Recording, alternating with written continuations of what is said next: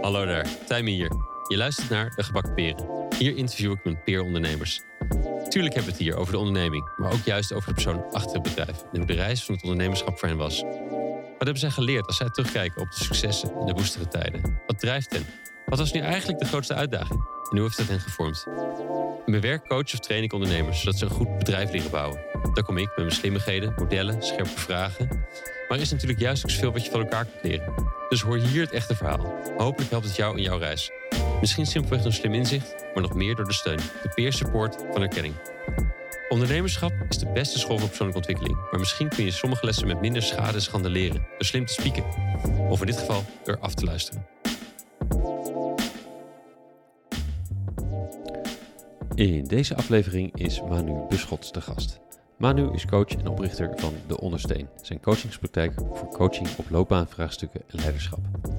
In 2016 richtte hij klimaatgesprekken erbij op. Met klimaatgesprekken draaien ze alle principes waarom we maar niet in actie komen helemaal om en geven ze mensen door middel van gesprekken en positieve psychologie handvatten bij het starten en versnellen van hun verduurzaming. Intussen zijn bij klimaatgesprekken honderden vrijwilligers actief en wonnen ze in 2022 de Duurzame Dinsdagprijs. In 2020 richtte Manu de Jeep Change Academy op om professionals in de duurzaamheid samen te brengen en te trainen om meer impact te maken. Zijn boek daarover komt in april uit. In dit gesprek hebben we het over de diepere verandering in ons wereldbeeld die nodig is om een duurzame wereld te creëren. Over meesterschap in je vak en hoe je drive om te verbeteren, zo in het midden van je leven, verschuift naar om dat wat je geleerd hebt in te zetten voor je omgeving. En over overspannen zijn, klimaatpsychologie en over Manu's fascinatie over de discrepantie tussen wat mensen denken en doen. Ik hou erg van hoe grondig Manu zijn werk benadert en mooi hoe zijn kijk op verduurzamen met elke schakel in zijn pad completer is geworden. Hij verwoordt heel helder wat ik ook voel, die diepere verandering in ons zijn, onze kijk en tegelijk onze systemen die nodig is om echt een duurzame wereld op deze planeet te creëren. Veel plezier met luisteren. Hier is Manu Buschots. Welkom, Manu, in de studio. Dankjewel. dat je Leuk om bent. te zijn. Leuk dat je te ontmoeten. Eh, ik begin bij gasten altijd waar ze, waar ze opgroeiden. Hoe zij geworden zijn wie ze, wie ze zijn. Ja. Eh, omdat daar toch de basis ligt. Ik ben benieuwd naar jouw ouderlijk huissituatie. Hoe, hoe, waar groeide je op? Mhm. En hoe was jij als kind? Hoe zag het tafereel rond de eettafel er bij jullie thuis uit? Ja, dat, dat, daar was ik al bang voor dat je dat ging vragen. Je mag het zeker vragen, maar ik, ik heb een jeugd met twee gezichten gehad, als Mm. het ware. Eh, een heel fijn gezicht. Ik ben opgegroeid in Zeeland. Eh, eh, mijn ouders hadden een huis met een grote tuin, want dat was daar ook niet zo moeilijk voor een wat armer gezin om een grote tuin nog te hebben. Ja. Ehm, en die tuin kwam uit op een bos en ik ging heel vaak in dat bos spelen en dat was gewoon heerlijk. Dus ik heb eh, tot mijn twaalfde zo'n beetje in het bos geleefd, bij wijze van spreken. Ehm, en, en daarna ook ja, gewoon het, het gemoedelijke platteland met, met, met veel vrienden en, en veel eh, natuur. En dat, eh, dat tekent echt mijn jeugd wel. De andere kant was als ik wel in het huis was. En, en dat was een gezicht wat wat moeilijker is. Want daar heb ik, ja, de- mijn- ouders hadden gewoon geen goed huwelijk. Hmm. Ehm, en dat voelde ik in het begin onbewust, later veel bewuster. Dus ik was ook op mijn twaalfde heb ik eh, tegen mijn moeder gezegd van ik wil een ander gezin. En toen vond ik dat heel gewoon om te zeggen. En als ik daarop terugkijk, denk ik van zo, dat is wel heftig voor een jongens van 12 die dat zegt. Ja. En dus mijn oudste van drie kinderen is nu 14. En ik kan me niet voorstellen dat hij zoiets zegt. Daar moet heel veel verdriet of zo achter zitten. Ja. Dus ik heb daar ook wel eh, ja, persoonlijk ontwikkelingswerk voor moeten doen. Hè. Dus ik heb, eh, ik heb eh, nou, jeugd met twee gezichten. Dus eh, Ja, snap het. Ja. ja. Hey, wat, het bos trok jou en wat trok jou nog Ja. meer in die, in die tijd aan, aan, aan eigen interesse? Ehm, ja, het, ehm, dus het bos trok mij heel erg. En ik had ook wel de bende van de Molenstraat. Ik had ook een hele creatieve kant.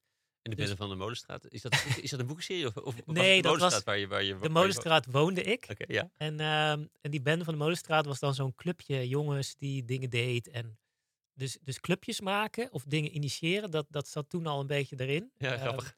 creatief zijn ook. Ik speelde veel met Lego. eh, carnaval vond ik een hele leuke tijd, want dan kon je uitdossen. Maar dan kon je, ik, ik maakte er ook carnavalswagens zelfs, maar dan op kleine schaal met ja, toiletpapier, rolletjes Ja. en dat soort dingen. Dus, dus ik was eh, creatief, ik was initiatiefrijk. Ehm, ik was altijd wel bezig. Hè? Dus, dus nou ja, misschien, misschien dat het anders was als ik... Ik ben 47 bijna. misschien dat het anders als de computer al veel meer ingeburgerd was. Maar eh, nou, ik hield ervan om dingen te doen, om erop uit te gaan. Ja. Ja, mooi. mooi. Hey, en je zei dat je ouders dat niet zo goed huwelijk was. Het, is, Ja. Waren zij ook heel anders in, in, in, in waardestelsel? Of in wat ze belangrijk vonden? Wat, werd er belangrijk voor je? Wat, hoe werkt, merkte jij wat er belangrijk was in, in, in die tweestrijd? Hoe merkte ik wat er belangrijk was in die tweestrijd? Ehm nou ja, kijk, mijn vader is qua waarde altijd wel vrij duidelijk geweest. Dat vind ik ook een van de mooie dingen die ik van mijn vader heb meegekregen. Het is een heel pacifistisch iemand die op een gegeven moment ook in die grote tuin van ons zo'n vredesteek in het gazon had gemaaid. mooi. ik weet niet voor de aliens of zo die zouden landen, maar het is wel heel mooi. Het werd wel heel nadrukkelijk uitgedragen. En er zat, er zat voor mij ook een, een, een nou ja, ik vond het niet echt lastig, maar eh, eh, ik, groeide wel op met het kleine huis op de prairie en niet naar gewelddadige kinderseries kijken. En zo pacifistisch was het. Ik weet nog ook wel, ehm, dus mijn vader was ook niet kapitalistisch, anticapitalistisch zou je kunnen zeggen. Eh, en ik had op een gegeven moment een boog gemaakt. En nog een boog gemaakt. En een vriendje van mij vond die boog heel erg mooi. En hij zegt, van, mag ik hem kopen? Ik zeg, oh, ja. De eerste keer dat ik zo'n vraag kreeg op mijn levenspad. Of iemand van iets van wilde kopen. Zei ik, ja, prima, 10 gulden. Ja. En mijn vader die zei echt toen hij dat hoorde. En ik eigenlijk helemaal een beetje trots was op mijn eerste verkoop. Ja. Van ja, je moet dat ding, eh, je moet dat geld teruggeven. Want zo doe je dat niet met Ja, vrienden. ja, ja. En de boog vond hij wel goed. Helemaal. Ja, ja, de boog vond hij goed. Dus hij vond het helemaal fijn dat ik die gemaakt had en aan mijn vriend had gegeven. Maar niet dat ik daar geld voor had gekregen. Had niet gevraagd, maar dat, ja, de vroeg vriend van mij van, hè, voor hoeveel geld mag ik hem hebben? Ehm, dus dat, dat was wel duidelijk het waardestelsel van mijn vader. Ja, Vrede en, en, en eh, nou, socialistisch. En, eh, en eh, mijn moeder was daar weer anders in. Ehm, die was meer, in ieder geval naar mij toe, van je moet, ja, je moet, je moet braaf zijn, je moet je gedragen. Ja. Ook wel, je moet, moet hard werken, je moet nou, veel moeten. veel moeten. Ja, ja. Ja. ja. Ja. Hey, heb je, heb je dat, dat niet kapitalistisch mogen zijn nog als een probleem gehad met, met, met later eh, werk, geld verdienen en dan gaan ondernemen? Dus misschien een beetje, we komen zo meteen Mhm. nog een beetje terug hoor op het begin, maar Ja. ik ben benieuwd hoe dit doorwerkte. Nou, ik denk het niet, want eh, ik heb het gewoon gaandeweg wel geleerd. En ik heb ook het geluk gehad dat ik bij een aantal eh, bedrijven waar ik ging werken, een soort van geresocialiseerd ben. Dus je gezin is natuurlijk de eerste plek waar je op je leert van hoe zit de wereld in elkaar. Maar ik, ik heb toen al op 12-jarige leeftijd besloten van, nou, dit is niet echt mijn plek. En dat, nou, dat werd later steeds meer duidelijk dat ik het op eigen manier wil doen en ik dingen erbij wilde leren of anders wilde gaan doen. Dus ik had het geluk dat ik, dat ik bijvoorbeeld in mijn tweede, nee, mijn, nou ja, eigenlijk mijn eerste, ja, de eerste, ik was eerst management trainee geworden en daar zaten al een heleboel mensen uit verschillende milieus Ja. met verschillende ambities waarbij geld al niet meer vies was. Ja, ja, Dus dat was wel mijn eerste her hersocialisering. Dan kon ik, kon ik gaan kiezen als het ware. Ik denk, oh, mijn vader vond geld dus vies. Deze mensen vinden geld allemaal fantastisch. Nou, wat vind ik? Ja, ja, precies. Maar die, maar die vrijheid had je toen wel al. Dat is, is- sommige mensen eh, ontlo- eh, ontlopen die oude traditie van vroeger Ja. natuurlijk. Ja, di- dit is dan een thema waarop ik relatief snel vrij was. Ik denk dat andere Mm. thema's heb ik wat langer mee geworsteld. Of misschien nog ergens nog steeds. Maar eh, eh, geld was wel eh, vrij snel omgezet. En sterker nog, het is ook een van de dingen die ik tegenwoordig meegeef aan duurzame doeners. Want on- ontzettend veel mensen zijn goed bezig. eh, maar struggelen met eh, het naast hun werk doen. Of struggelen met er gewoon een goede boterham aan, aan verdienen. Ja.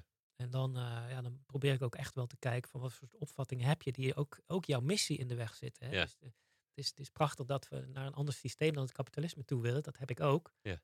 Ehm, maar als het je niet lukt om dat te financieren, heb je wel een probleem. Ja, ja, ja, precies. Ja, het niet jezelf gunnen Ja. van het inkomen wat je uit, uit het Ja. werk wat belangrijk is, want de missie heeft het harder nodig dan jij. Ja, nou, ja. dat soort dingen. Ja. Ja, nee, dat, die, zie ik ook veel. Ja. hey, ehm, als, ik me, als ik het goed heb eh, gelezen, als mijn, mijn onderzoek niet in steek Ja. eh, was je eh, hoofdig erg goed als ik, op de middelbare school en zo? Ja, dat klopt. De, ja. stof, de, de school ging je volgens mij goed af. Dat was ook een beetje mijn redding, hè? want ik, ik wist wel, nou, als ik het gewoon op school goed doe, dan, dan mag ik gewoon een beetje mijn eigen gang gaan. Mm, Dan gaan mijn ouders niet te veel me bemoeien met mijn leven. En dat vond ik het liefste, dat vond ik het fijnste. Ja.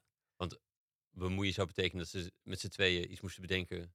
Of wat. Of, of, Nou ja, dat, ik weet niet wat ze dan gedaan zouden hebben. Dan zou er waarschijnlijk wel strijd zijn geweest. Maar in dit geval was er nooit een vraag van heb je huiswerk gemaakt? Of, of, of ga niet naar dat feestje of wat dan ook. Ze- wisten gewoon, die Manu die levert resultaten. Ik had altijd hele goede schoolresultaten. En ik wist dat in ruil daarvoor ik eigenlijk het leven kon leiden wat ik wilde doen. Ja. Ik kon sporten, ik kon eh, afspraken maken. eh, nou ja. heb je nog broers en zussen? Ja, ik heb een oudere zus. Ja. 3,5 jaar ouder. Ja. En, en, en, j- en jij ontliep de boel, de dans een beetje, maar is dat, is dat, Ja. eh, was dat ook haar artistiek? Of, Nee, nee. Zij, eh, zij is wat meer eh, de strijd aangegaan. En Hmm. natuurlijk altijd met de eerste, die moet het vaak ook ietsje meer uit plaveien, die weg. Hè, van, dat merk ik nu andersom. En dus nu ik ouder ben van, van drie kinderen, merk ik ook, van, ja, bij de eerste leer je het een beetje. Bij de tweede en de derde nou, is het toch weer een ander kind, maar heb je wel minder, ehm, nou, minder moeite met bepaalde dingen of zo, of meer perspectief. Ehm, maar goed, mijn oudere zus, da daarbij zag ik dus ook hoe het anders... Dus die zag ik wel eh, eh, nou ja, straf krijgen of gedoe krijgen. Of, eh, of ook moeite, moeilijk gaan met school en dan afzakken van het ene schoolniveau naar het andere schoolniveau. En toen, dat zijn allemaal ook dingen waarvan ik dacht, oké, zo ga ik, ik het dus niet doen. Mm. Gelukkig had ik, ja, had ik daar niet zoveel moeite mee om dat op school ook voor elkaar te krijgen. Ja, precies. precies. Hey, je, bent- van mij eh, dus vanuit Zeeland naar, naar, naar Rotterdam gegaan? Ja. Dus daar studeren? Wat, Op mijn achttiende, zodra ik kon, Of- studeren ja. en het huis uit. als Ja. ik het zo ho- hoor, snap, snap ik dat wel. Mhm. Ehm, als ik het goed heb, sociologie en bedrijfskunde? Ja, ik ben begonnen met economie. Mm. Ehm, want na heel veel gesprekken met mijn moeder, met de decaan enzovoort, dacht ik dat dat de studie was om iets meer over te leren over mensen en organisaties. Maar dat was al wel de, de, de drijfveer op wat je wilde. Ik had toen, zover had ik het helder. Van wat wil ik gaan doen? Nou, Ja. iets met mensen en organisaties wil ik leren. En toen bleek eigenlijk na drie maanden dat ik daar gillend gek werd en dat ik daar helemaal niks over aan het leren was. Dus, dus toen ging ik wat rondkijken en je had toen nog geen psychologie in Rotterdam. Hmm. Achteraf misschien, misschien jammer, misschien ook niet, want ik ben toen bij sociologie gaan kijken. Dat voelde heel erg thuiskomen, heel erg leuk, heel erg interessant. Ik dacht, hé, hey, maar deze aannames over de wereld, die deel ik. Hè. Bij economie was ik de eerste maanden geprogrammeerd ja, mensen is een nutsmaximalisatie. En die, nou, dat werd zo rationeel gepresenteerd. Ik denk, dit herken ik gewoon helemaal niet. Ja. Ehm, maar goed, de sociologie ben ik toen gaan doen. En dat ging ook wel goed genoeg, makkelijk genoeg. Ik had ook een leuk studententijd. Dus toen eh, ik na vier jaar min of meer klaar was, toen dacht ik, ik ga nog een half jaar naar Canada. Mm. Ehm, en ik heb toen, denk ik, na 3,5 jaar of zo ook, ook gezien dat ik met wat, eh, wat, wat vrijstellingen ook nog bedrijfskunde propenduizen erbij kon halen. Dus ja, zo heb ik er een mooie vijf jaar van gemaakt. Ja, ja, en, en gedacht, nou, het kan nooit kwaad om, eh, nou, al- als, als ik ga werken, om naast sociologie, wat niet bekend stond als een heel erg grote baanverschaffer studie, om ook nog wat bedrijfskunde gedaan te hebben. Hey, en ik zag, ik zag criminologie nog Oh, terugkomen. Wat, ja. wat is daar de, de, de reden achter? Dat was in Canada. Dus in Canada had ik de, de vrijheid om niet, zo, niet zoveel vakken meer te moeten. Dus ik ging gewoon op mijn interesse af. En toen, Wat trok je toen in criminologie? ja, ehm, ja waarom, waarom eh, zijn mensen crimineel? Terwijl je weet dat je daarmee in de problemen kan komen. Hmm. Ehm, eh, en ook hoe, hoe we als samenleving daar het beste mee om kunnen gaan. Hè? Dus, dus eh, ja, heel veel. Ik, ik, ik, ik vind dat dat heeft nog steeds mijn wereldbeeld gevormd, zeg maar. Hè? Dus als je leert wat, wat traditionele justitiële systemen oplevert, dan, dan kost het gewoon meer dan dat het oplevert. Terwijl er ook echt andere aanpakken zijn. Ook als je. eh, eh, nou ja, goed. Ik, heeft mijn politieke visie wel, wel bepaald. Een van de sociologische onderzoeken laat ik keer op keer zien dat in samenleving met grotere ongelijkheid is gewoon meer criminaliteit. Ja. Eh, en in samenleving met strengere straffen is vaak ook grotere criminaliteit. Dus, dus de, de, zowel de oplossing als de oorzaken worden eigenlijk door politici niet zo goed begrepen. Ja, of, ja, of worden niet omarmd. Ehm, nou, dat vond ik super interessant. Ja, en, en die, ik kan me voorstellen die disbalans tussen wat de kennis, uit, de, de bestaande kennis uitwijst en wat, eh, wat vervolgens gebeurt. eh, je, dat, dat, Ja. dat, is, dat is niet vreemder, dat, is- dat, daar ben je niet van weggegaan. Zeg maar. Dat is nu met klimaatgesprekken misschien net zo en alle Ja. duurzaamheidsdiscours. ja, ik- en het is wel leuk dat door dit gesprek eigenlijk een soort rode draad in bij mij eh, oppopt. Hè. Dus ik ben altijd wel gefascineerd door die discrepantie tussen wat we weten en wat we doen. ja, nou ja, En precies dat is bij duurzaamheid ook heel erg aan de hand. Dus dat Ja. was toen bij criminologie. Ik heb toen ook nog antropologie gedaan eh, over de Indianen in Canada en zo. Dus ja, dingen waar ik niet zo goed vanaf weet, maar die wel gebeuren, dat, dat vind ik dan, daar wil ik wel induiken. Ja. Ja, ja, precies. Ja, ik weet wel dat die. eh, het is wel grappig dat. dat ik, zit zo, ik zit al een tijdje, is al de vierde keer. Ik le- lees al een tijdje, dus dat is de vierde keer dat ik het in een gesprek ook aanhaal. Maar dat is The Mhm. Dawn of Everything. Dat is een boek van Mhm. David Graeber en David. Nog wat, David Graeber is ook bekend van term bullshit jobs en, Ja. de Occupy move- movement. Ja, ja. Eh, en ze halen, ze hebben het over waar, hoe zijn we hier nou zo vast komen te zitten in Mm. zo'n ongelijke samenleving. Ja. En ze zijn ervoor, in het begin halen ze eigenlijk het begrip vrijheid aan. Want wij vinden onszelf altijd heel vrij, want wij hebben heel, nou heel veel spullen dat we heel veel kunnen. Maar toen de eh, Fransen aan de oostkust in het Amerika zitten eh, en, en veel interactie hadden met, met de Native American tribes daar. Eh, dat zij het echt een belachelijk idee vonden dat zij zichzelf vrij noemden. Want zij konden toch helemaal niet gaan staan en waar ze wilden. Dan zat er heel veel hiërarchie in, die, in, die, in dat land, eh Ja, Frankrijk en ja, zo. En zij, die, al die tribes konden van de ene naar de andere lopen, want die hadden altijd garantie dat ze daar weer op, opgepikt zouden worden als een, eh, een gelijke, zeg maar. Dat was, pas, dat was pas vrijheid. Dus het verschil tussen... Ja, dat is prachtig. Hè? Daar komt ook dat begrip socialisatie weer terug. Is denk de sociologenterm eh, misschien wel. Van, van, ja, als je ergens in opgegroeid bent, dan weet je bijna niet beter dan dat, dat, dat vrijheid dit betekent of dat betekent. Ja, Terwijl je er natuurlijk op een hele andere manier tegenaan kunt kijken. ja, dus Ja. Zulke, zulke grote termen hebben, zijn, zijn veel natuurlijk. Ja. En je, je, bent, je zei net al, je, bent, je ging hierna het, management traineeship, eh, volgens mij bij Ormit, als ik het eh, Ja. goed, goed, heb, goed heb gezien.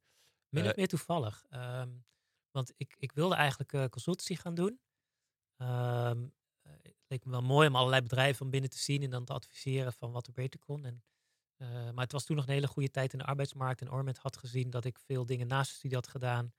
Ehm, en, en die zei toen van, joh, wil je een keer met ons komen praten? En. Dat, dat bleek achteraf een assessment dag te zijn die goed ging.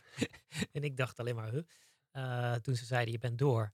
Eh, maar wel dat het een hele leuke dag was geweest. Dus ik, ik, ik, ik weet nog heel goed, ik moest toen een, een ruimte binnenlopen. En ik wist niet wat de opdracht zou zijn. Ik wist niet waarom ik die ruimte binnen moest lopen. Maar ik kwam daar binnen en er zaten twee mensen te ruzieën. En toen had ik echt zoiets van, huh, wat is hier aan de hand? En toen ging ik vragen stellen en toen ging ik... En je wist wel dat het geanceneerd moest zijn? Of? Ja, dat, dat, dat bedacht ik me ter plekke. Want, want je, je, je- had zo'n dag hè, en dan de ene keer ging je het soort eh, persoonlijkheidstest invullen. De volgende keer is je, nou, nu komt er een vergadering. Je hebt deze rol, eh, doe het zo goed mogelijk. En, en de derde opdracht dus, dus van, nou, ga maar naar die kamer. En toen dacht ik, nou, dan zal ik daar wel te horen krijgen wat de bedoeling is. Maar ik kwam daar en niemand zei wat de bedoeling was. Maar twee mensen waren wel aan het Ja, ja, ruzieën. ja, Dus, het- dus ik vond dat echt super gaaf. Eh, ook met name omdat er wel aan het einde toen met mij werd nabesproken van, nou, wat ging er door je heen toen je hier zo binnenkwam? En eh, nou, je deed toen dit, was dat bewust? Want dat, nou, enzovoort. Het- ja, dat, toen werd ik eigenlijk gegrepen. Hè? Dus ik ben later met wat omzwervingen eh, trainer en coach geworden. Toen ben ik eigenlijk gegrepen door het ja, trainer- en coachvak, zeg maar. Van, Ja, één, dit, de, de voor sociologie. Ja. Eh, misschien te kort de bocht, maar je kwam ook uit een gezin waarbij de ruzie niet, je niet vreemd was. Misschien dat Ja. je wel eigenlijk ook heel veel precies veel goede skills hiervoor, voor deze situatie. Nou ja, ik werd er in ieder geval niet, eh, ik schrok er niet van, Mm. zeg maar. Dit kende ik wel, ruzieën. Ja, En ik heb ook daarvoor natuurlijk in mijn leven moeten afvragen van hoe verhoud ik me hiertoe? Wat ga ik nu doen? Dus, dus in die zin eh, was ik er wel op voorbereid. En ik, ik, ik heb wel later ook nog meer dingen geleerd. Want in mijn gezin leerde ik niet hoe goed ruzie eruit zag. Nee. Dus ik, ik heb wel later daar dingen over bijgeleerd. Ja, ja, ja. Ehm, maar inderdaad, het is ook mooi om eh, nou, alle bagage die je hebt op een bepaalde manier weer te gaan gebruiken. Ja, Dus, eh, ja, toch een groot deel van wat, eh, hoe zeg je dat, bezieling in je werk maakt. ja, Bagage gebruiken. ja. Hm. Hey, je, we hadden het eerder al over dat je ook ja, je, je boog, ja, niet mocht verkopen, maar wel Mhm. al dat, je, dat je voor het eerst een beetje ondernemende dingen deed. Ja. Zijn, zijn er, waren er ondernemers in jouw wereld tot rond die tijd? Ja, eigenlijk niet bewust. Dus eh, mijn vader was eh, en, mijn moeder waren gewoon allebei in, in loondienst. Ehm, ehm, ja, en, en ik, ik hoorde wel dat mijn oom ondernemer was, maar ik heb dat later pas veel meer bewust geregistreerd toen ik zelf een beetje in het ondernemerschap. eh, Ja. Toen dacht ik, oh ja, ik had ook nog een oom die daar wat in deed. Ik heb Ja, ja, daar geen verhalen toen van meegekregen.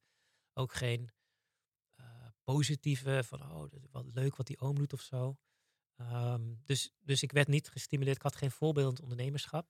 En ik heb dus ook heel lang getwijfeld of ik dat, of ik dat wilde gaan doen. Ja. Nou, ja, ja, ook wel of ik het wilde gaan doen, maar met name of het iets voor mij zou zijn, of het kon, of het, ja, hoe dat zou werken. Dus, En ook niet per se een beeld alvast van wat het allemaal Ja. zou betekenen, denk ik dan. nee, klopt. Ja. Eh, hey, eh, en, en, en, en- maar ondernemend gedrag, dus dingen, Ja. dingen aanpakken, of je zei dat je veel naar je studie had gedaan. Wat, ja, dat zat er wel al heel maar- duidelijk ja, wat, wat voor dingen hebben we het dan over? Hè, dus als ik, als ik van die boog een paar jaartjes verder ga, dan had ik in de eerste en tweede klas van de middelbare hadden wij met een groepje vrienden een, eh, een, een, schoolkrantje. Want er was een van de suffe schoolkrant die één keer per jaar uitkwam. Maar wij hadden een schoolkrantje wat, waarin leraren belachelijk werden gemaakt en interessante dingen stonden.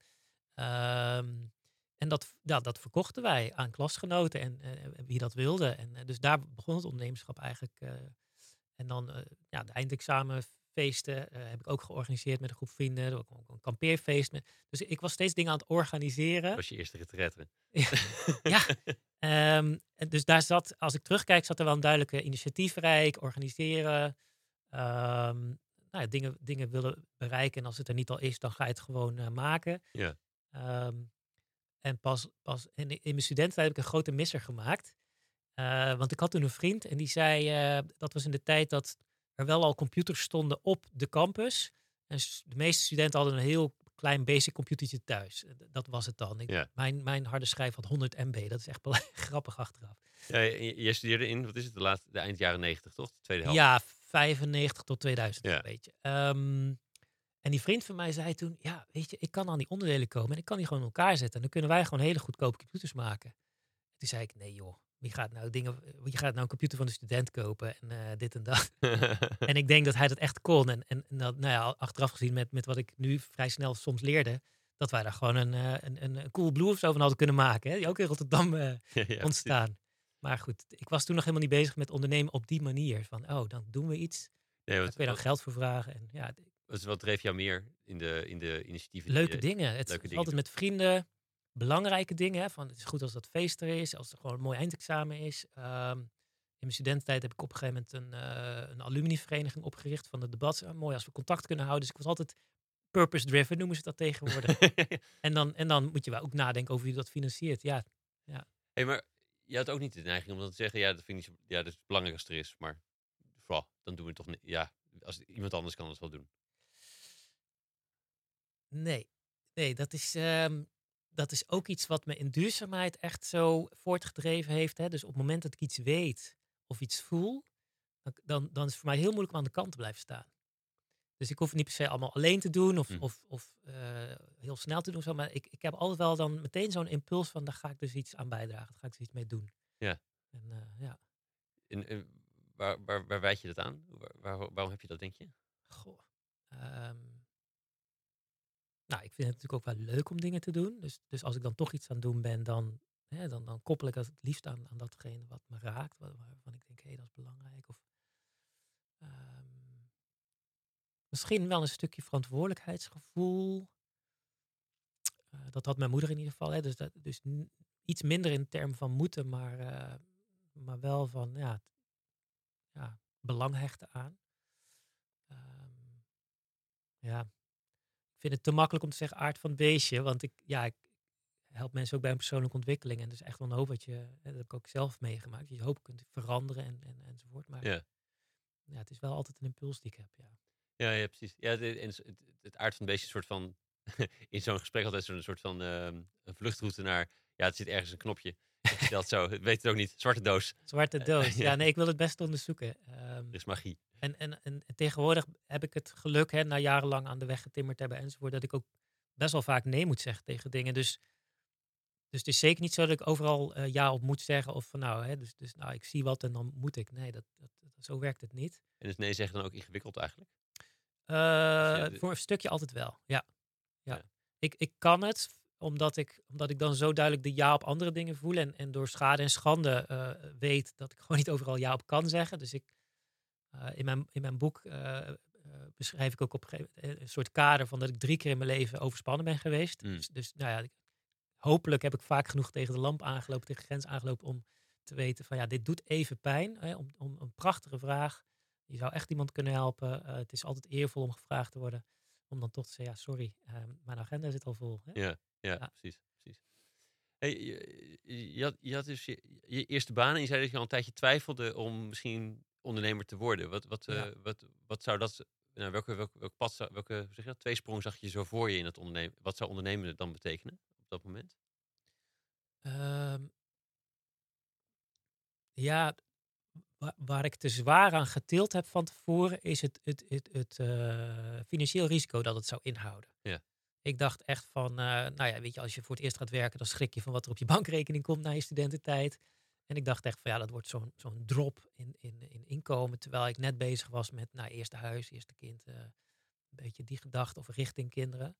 Ehm, dus daar, was, daar heb ik veel te zwaar aan getild. Want ja, ik zeg tegen iedereen nu die ik bijvoorbeeld in loopbaancoaching heb: van joh, als het niks wordt, kun je na drie of zes maanden gewoon weer solliciteren. Je kan gewoon weer ergens in dienst. Ja, dus gaat het avontuur aan als het. Dit is iets te korte bocht natuurlijk, maar dat is in ieder geval wel een achterliggende gedachte. Ja, het worst case scenario is dat je gewoon weer een baan hebt. Ja, en, en, en dat je hè, iets van die wilde haren bent kwijtgeraakt. Of dat je iets hebt geleerd waardoor het de volgende keer beter zou doen als het echt in je zit en, en, je, het, en je het voortdrijft.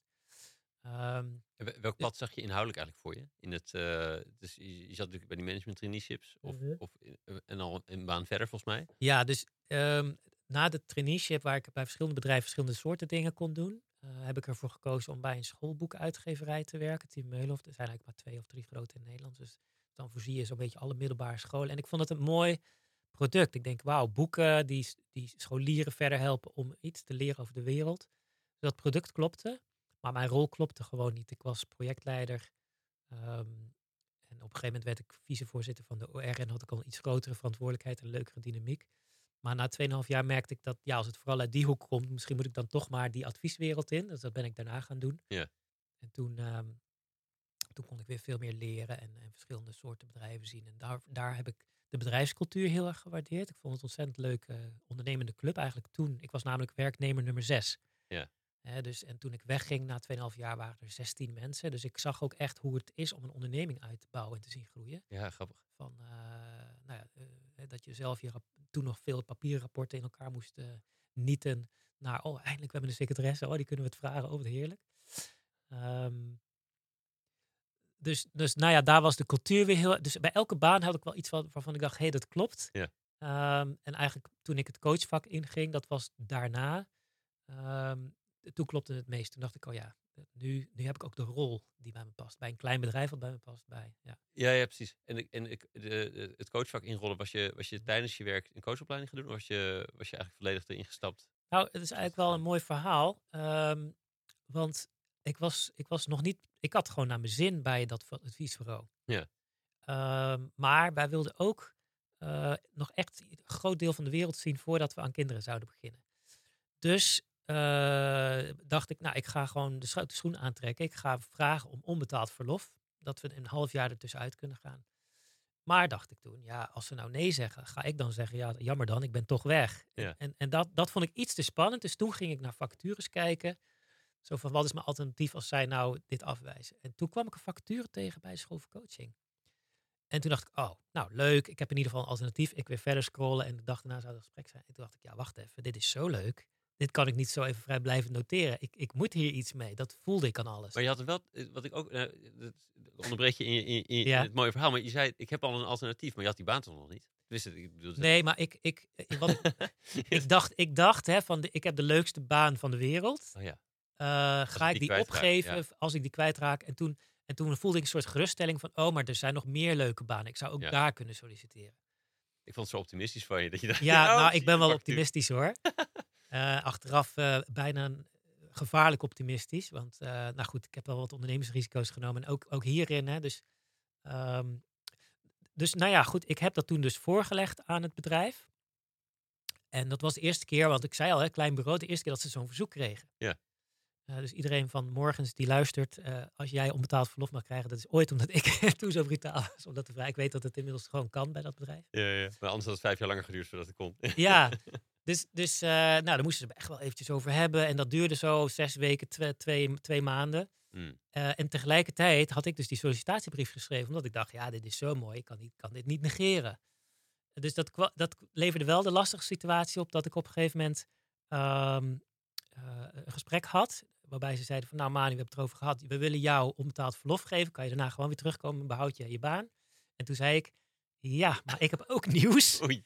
Ik ben ergens aangenomen inmiddels. En ehm, ja, ik vind het echt super jammer. Want ik, ja, ik, nogmaals, ik, ik, ik mocht hun en Ja, ja, ja. ze hadden me veel gegund enzovoort. Maar eh, ja, ik voelde wel aan alles dat dat een goede stap was om te zien. Mm. Dus eh, Hey, die was dus, ja, het is lekker ongemakkelijk inderdaad. Ja, dat zij net hun best hebben gedaan. ja, Heel veel nagedacht over hoe werkt dat.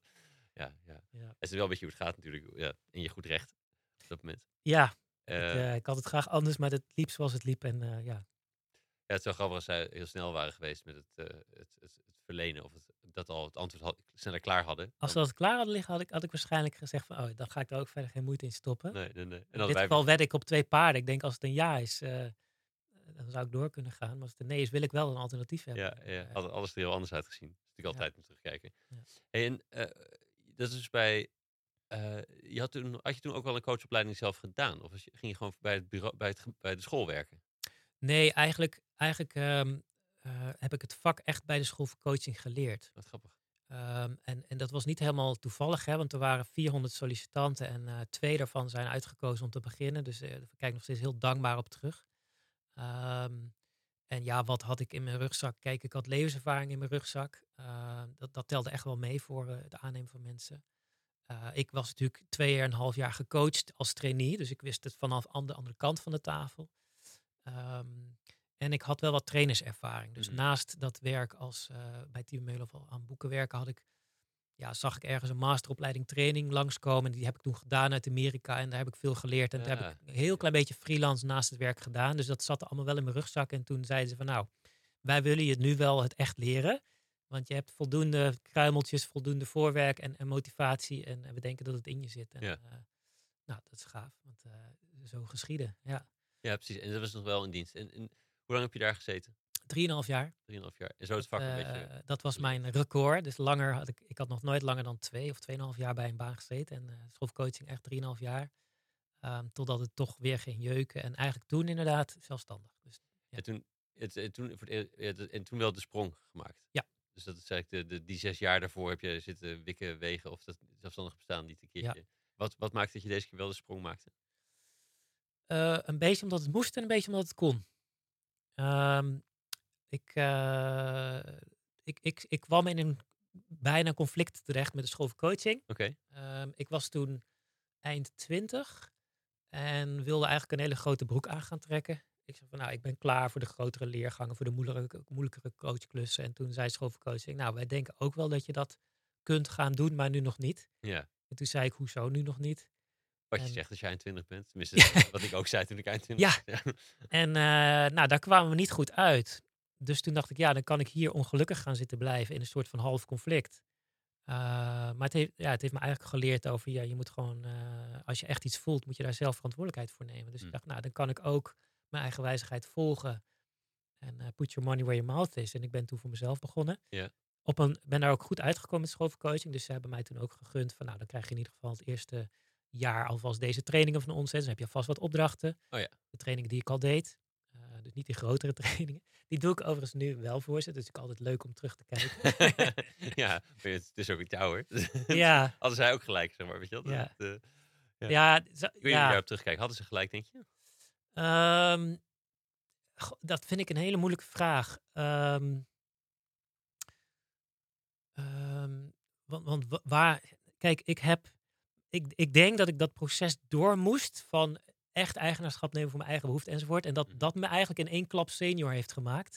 waarvan zij zeiden, je hebt het nog niet. En waarvan ik toen zei, ik heb het al wel, maar ik moest er nog wel doorheen. Ik moest het nog wel doen. Dus ja, wie heeft dan gelijk? Eh, denk ja, de gelijkvraag is misschien minder interessant. Ik denk in ieder geval, een, jaar later was het wel helder dat ik, dat ik daarin uh, bepaalde zelfinzichten had en verantwoordelijkheid kon dragen. En, en moeilijke gesprekken aan kon gaan. We hebben heel veel moeilijke gesprekken daarover gevoerd. Ja.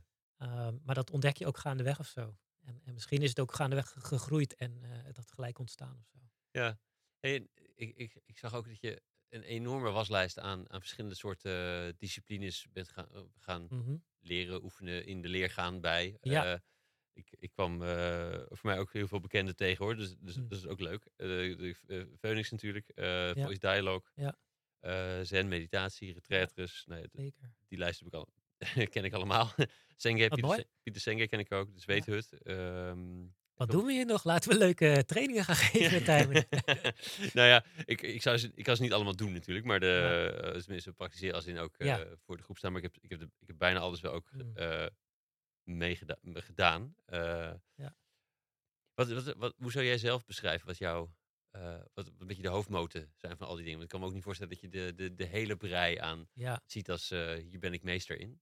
Uh, of wat zijn een beetje de, hoofd, de hoofdbouwst, nou, het fundament van jou? Ja, um, nou, een paar dingen komen in me, in me op. Hè. Dus ik, ik zei net beknopt wat over mijn jeugd. Um, dus, dus in hoofdlijnen heb ik het idee dat de eerste twintig jaar ben ik opgevoed door anderen. En daarna ben ik 20, 30 jaar bezig geweest met mijn heropvoeding. Hmm. Hè, worden wie ik echt wil zijn en, en kon zijn. Dus daar heeft dit enorme trainingsaanbod echt wel mee te maken. Dus ik ben ontzettend gaan zoeken. Ik ben ook na mijn studietijd en aan het einde van de traineeship ben ik ook in therapie gegaan. Hè. Dus ik had echt wel vragen van, van denk, nou, het is leuk dat je je hoofd goed, goed kunt gebruiken, maar ik heb toch ook nog een hart en een gevoel. En, en dus, dus nou, ook school coaching heeft daar veel in betekend. Um, en, en het hoorde daar ook wel weer bij. Dus een deel van die dingen die zijn ook gewoon op mijn pad gekomen dat het bij, bij het inwerken, bij het professionaliseren enzovoort hoorde. Uh, dus dat is iets wat in me opkomt. Het is een grote levensopdracht om mezelf te herprogrammeren. Wat er naast uh, een rol heeft gespeeld, is ik heb gewoon een ontzettende leerhonger. Ja. Ik, ik, leren, en ik denk dat dat me ook ondernemer maakt. Hè? Dus ik hou ontzettend van leren. Dus het, het, het is, ik vind het gewoon echt super leuk als ik iets moet doen wat ik nog niet gedaan heb, wat nog niet kan. En dan denk ik, uit, dat kan ik leren. Ja. Uh, en andere mensen groeien daar natuurlijk van. Ik, oh jeetje, moet ik als eerste, het kan misgaan. Ja, ja. nou goed. Dus, dat, dus leren is sowieso een, een drijfveer. En ik merk wel, en ja, ik hoop dat dat niet te blasé overkomt, dat dat de laatste jaren steeds moeilijker wordt. Want ik heb zoveel gedaan. Wat, wat wordt dan moeilijker? Nou, om echt nog dingen bij te leren. Hè? Dus, dus in die zin, um, er zijn niet zoveel trainingen meer die in Nederland worden aangeboden, waar ik dan heen wil gaan, omdat ik het gevoel heb dat ik daar nog iets te halen heb. Mm. Want dan denk ik, ja, ja, ik krijg wel eens die vraag, heb je dit dan gedaan? Of ken je dat? Ja, ja, bin there, done that, check dat. En het is niet dat je dat allemaal, hè, want dat is ook een beetje jouw vraag, dat het allemaal meester in bent, of dat dan de hoofdlijn is. Maar voor mijn persoonlijke ontwikkeling heb ik de meeste gebieden in mezelf echt wel aangeraakt en bevrijd of, Ja, ja, ja. of geaccepteerd. Of, En dan ga je niet nog een keer naar de, de, de eerste driedaagse introductie op een bepaald thema waarvan je denkt, ja, de Nee. 80% heb ik al een keertje gehad. nee, dus, dus, dus qua persoonlijke ontwikkeling, nou, dat is misschien wel een mooi bruggetje ook ergens. Qua persoonlijke ontwikkeling heb ik het gevoel dat ik niet veel verder ga komen. Ik denk dat ik het dan gewoon mooi bescheiden zeg. Dus het is niet dat ik klaar en verlicht ben, maar ik ga denk ik niet super veel verder komen. En wat drijf je dan wel? Heb je nog steeds die, die honger dan? Nou, op een ander vlak. Dus bij mij, hè, ik, ik zeg doen ook wel eens, ik ben van ego-ontwikkeling naar eco-ontwikkeling gegaan. Dus de eerste nou, 20 jaar na mijn jeugd, laten we zeggen tot mijn 38ste, 35ste misschien, was het heel erg bezig met, ja, hoe kan ik gelukkiger worden? Wat, welke vaardigheden kan ik doen om, om mensen mee te nemen? Nou ja, gewoon succesvol en gelukkig te leven. Ja. Ehm, en op een gegeven moment dacht ik, ja, daar ben ik nu eigenlijk best wel goed in geworden. Ik ben tevreden met waar dat staat. Ik weet ook dat sommige dingen, ja, daar ben ik gewoon niet goed in. Maar dat ga, weet ik ook niet of dat nog echt gaat veranderen.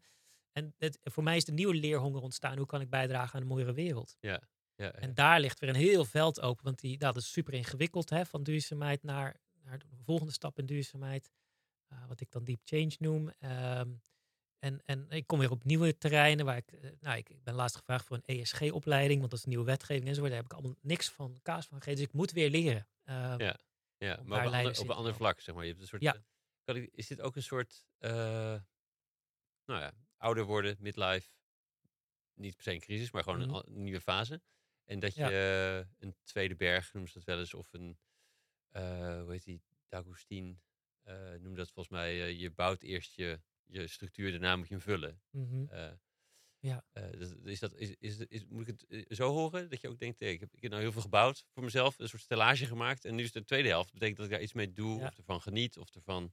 Ja, ik herken er wel iets in. Ik gebruik net iets andere metaforen. Ja, ja, ja. Het hetzelfde neer, denk ik. Hè? Dat Dus, krijg je met zo'n berg aan. Ja, precies. eh, het gaat eerst over plek in de wereld ontdekken en jezelf ontdekken. En, en op, op een gegeven moment in, ik heb heel erg het gevoel dat het sinds de oprichting van Klimaatschrik bij mij gaat over je, ook je, dus eigenlijk ook je gezin. Hè, dus echt de levensfase waarin het gaat over alles wat je geleerd hebt in een vorm gieten. Een eigen wereldje, een eigen koninkrijkje. Eh, of dat nou een bedrijf of een gezin is waar, waar jouw wijsheden toegepast worden, waar jouw moraal geldt, eh, waar jouw blik op de wereld zoveel mogelijk gedijt en, en, en dat soort dingen. De, de vorm vullen. Het is inderdaad wel een mooie beeldspraak die je, die je daar aanreikt. Ehm, dus daar zit ik wel in. Hè. Dus wat is nou. Wat, een van mijn leermeesters zegt het trouwens ook, hè, dus daar ben ik ook allemaal geïnspireerd. Die, van ja, de uiteindelijke doel van persoonlijke ontwikkeling is niet per se dat je er zelf beter van wordt, maar dat je er zelf beter van wordt om ook weer de wereld er beter van te kunnen laten worden. Dus, Ja. dus hè, take it to the next level. Ja. Hmm. Wie is die leermeester? Bertie Hendricks eh, Die- van het ITEP, een van de oud-directeuren inmiddels. Hij is 72 of zo. Ik heb, eh, voor de kerst heb ik nog een retraite bij hem gevolgd. En gewoon heel inspirerend wie hij is, hoe hij doet, maar ook hoe hij oud wordt. Als ik kijk naar mijn Hmm. vak, toch iets meer vrouwen dan mannen. eh, dan vind ik hem een, eh, man zoals ik graag oud zou willen worden, zeg maar. Dat is Ja. een mooie ambitie. Ja. ja. ja. Je- dus- dus we waren in de, in, de, in de lijn bij hoe jij. eh, je besloot zelfstandig te worden, omdat je grotere opdrachten wilde Ja. Dat lijkt me ook een, een lastig als je net begint. Eh, Je hebt wel wat training die je deed, Ja. maar je wil ook de zwaardere dingen doen. Maar dat is juist als, als, als zelfstandige vaak wel eh, wat lastiger te regelen. Als consultant geldt een beetje hetzelfde. Klopt, ja. Hoe, hoe ging het in die eerste, eerste jaren van je zelfstandige bestaan? Nou, dat waren de slechtste drie ondernemersjaren die ik, die ik ooit gehad heb. Ehm, Op welk vlak? Financieel of, of, of, of ook op eh, Ehm, zwaar en is, Heb je het hier ook over overspannen raken? Nee, niet overspannen, dus dat was helemaal prima. Eh, ik zat echt boordevol energie. Boordevol vertrouwen ook. We hadden net de eh, financiële crisis gehad. Die had nog een beetje, een- dus er was een soort van recessie gaan. En veel ZZP'ers om me heen zeiden, oh, slechte tijd. Ik dacht, ja, ik ken niet anders. Dus, Ja. dus, dus ik kon niet vergelijken. En ik wist alleen maar dat ik, dat ik echt, ik werd heel scherp bevraagd op wie ben je dan? Waarom voeg je je waarde toe? Ik weet niet of we het budget hebben en zo. Dus ik heb wel leren ondernemen daar. Hè. Dus als ik niet iets goeds neerlegde, dan, dan had ik gewoon geen geld op Ja. de bankrekening.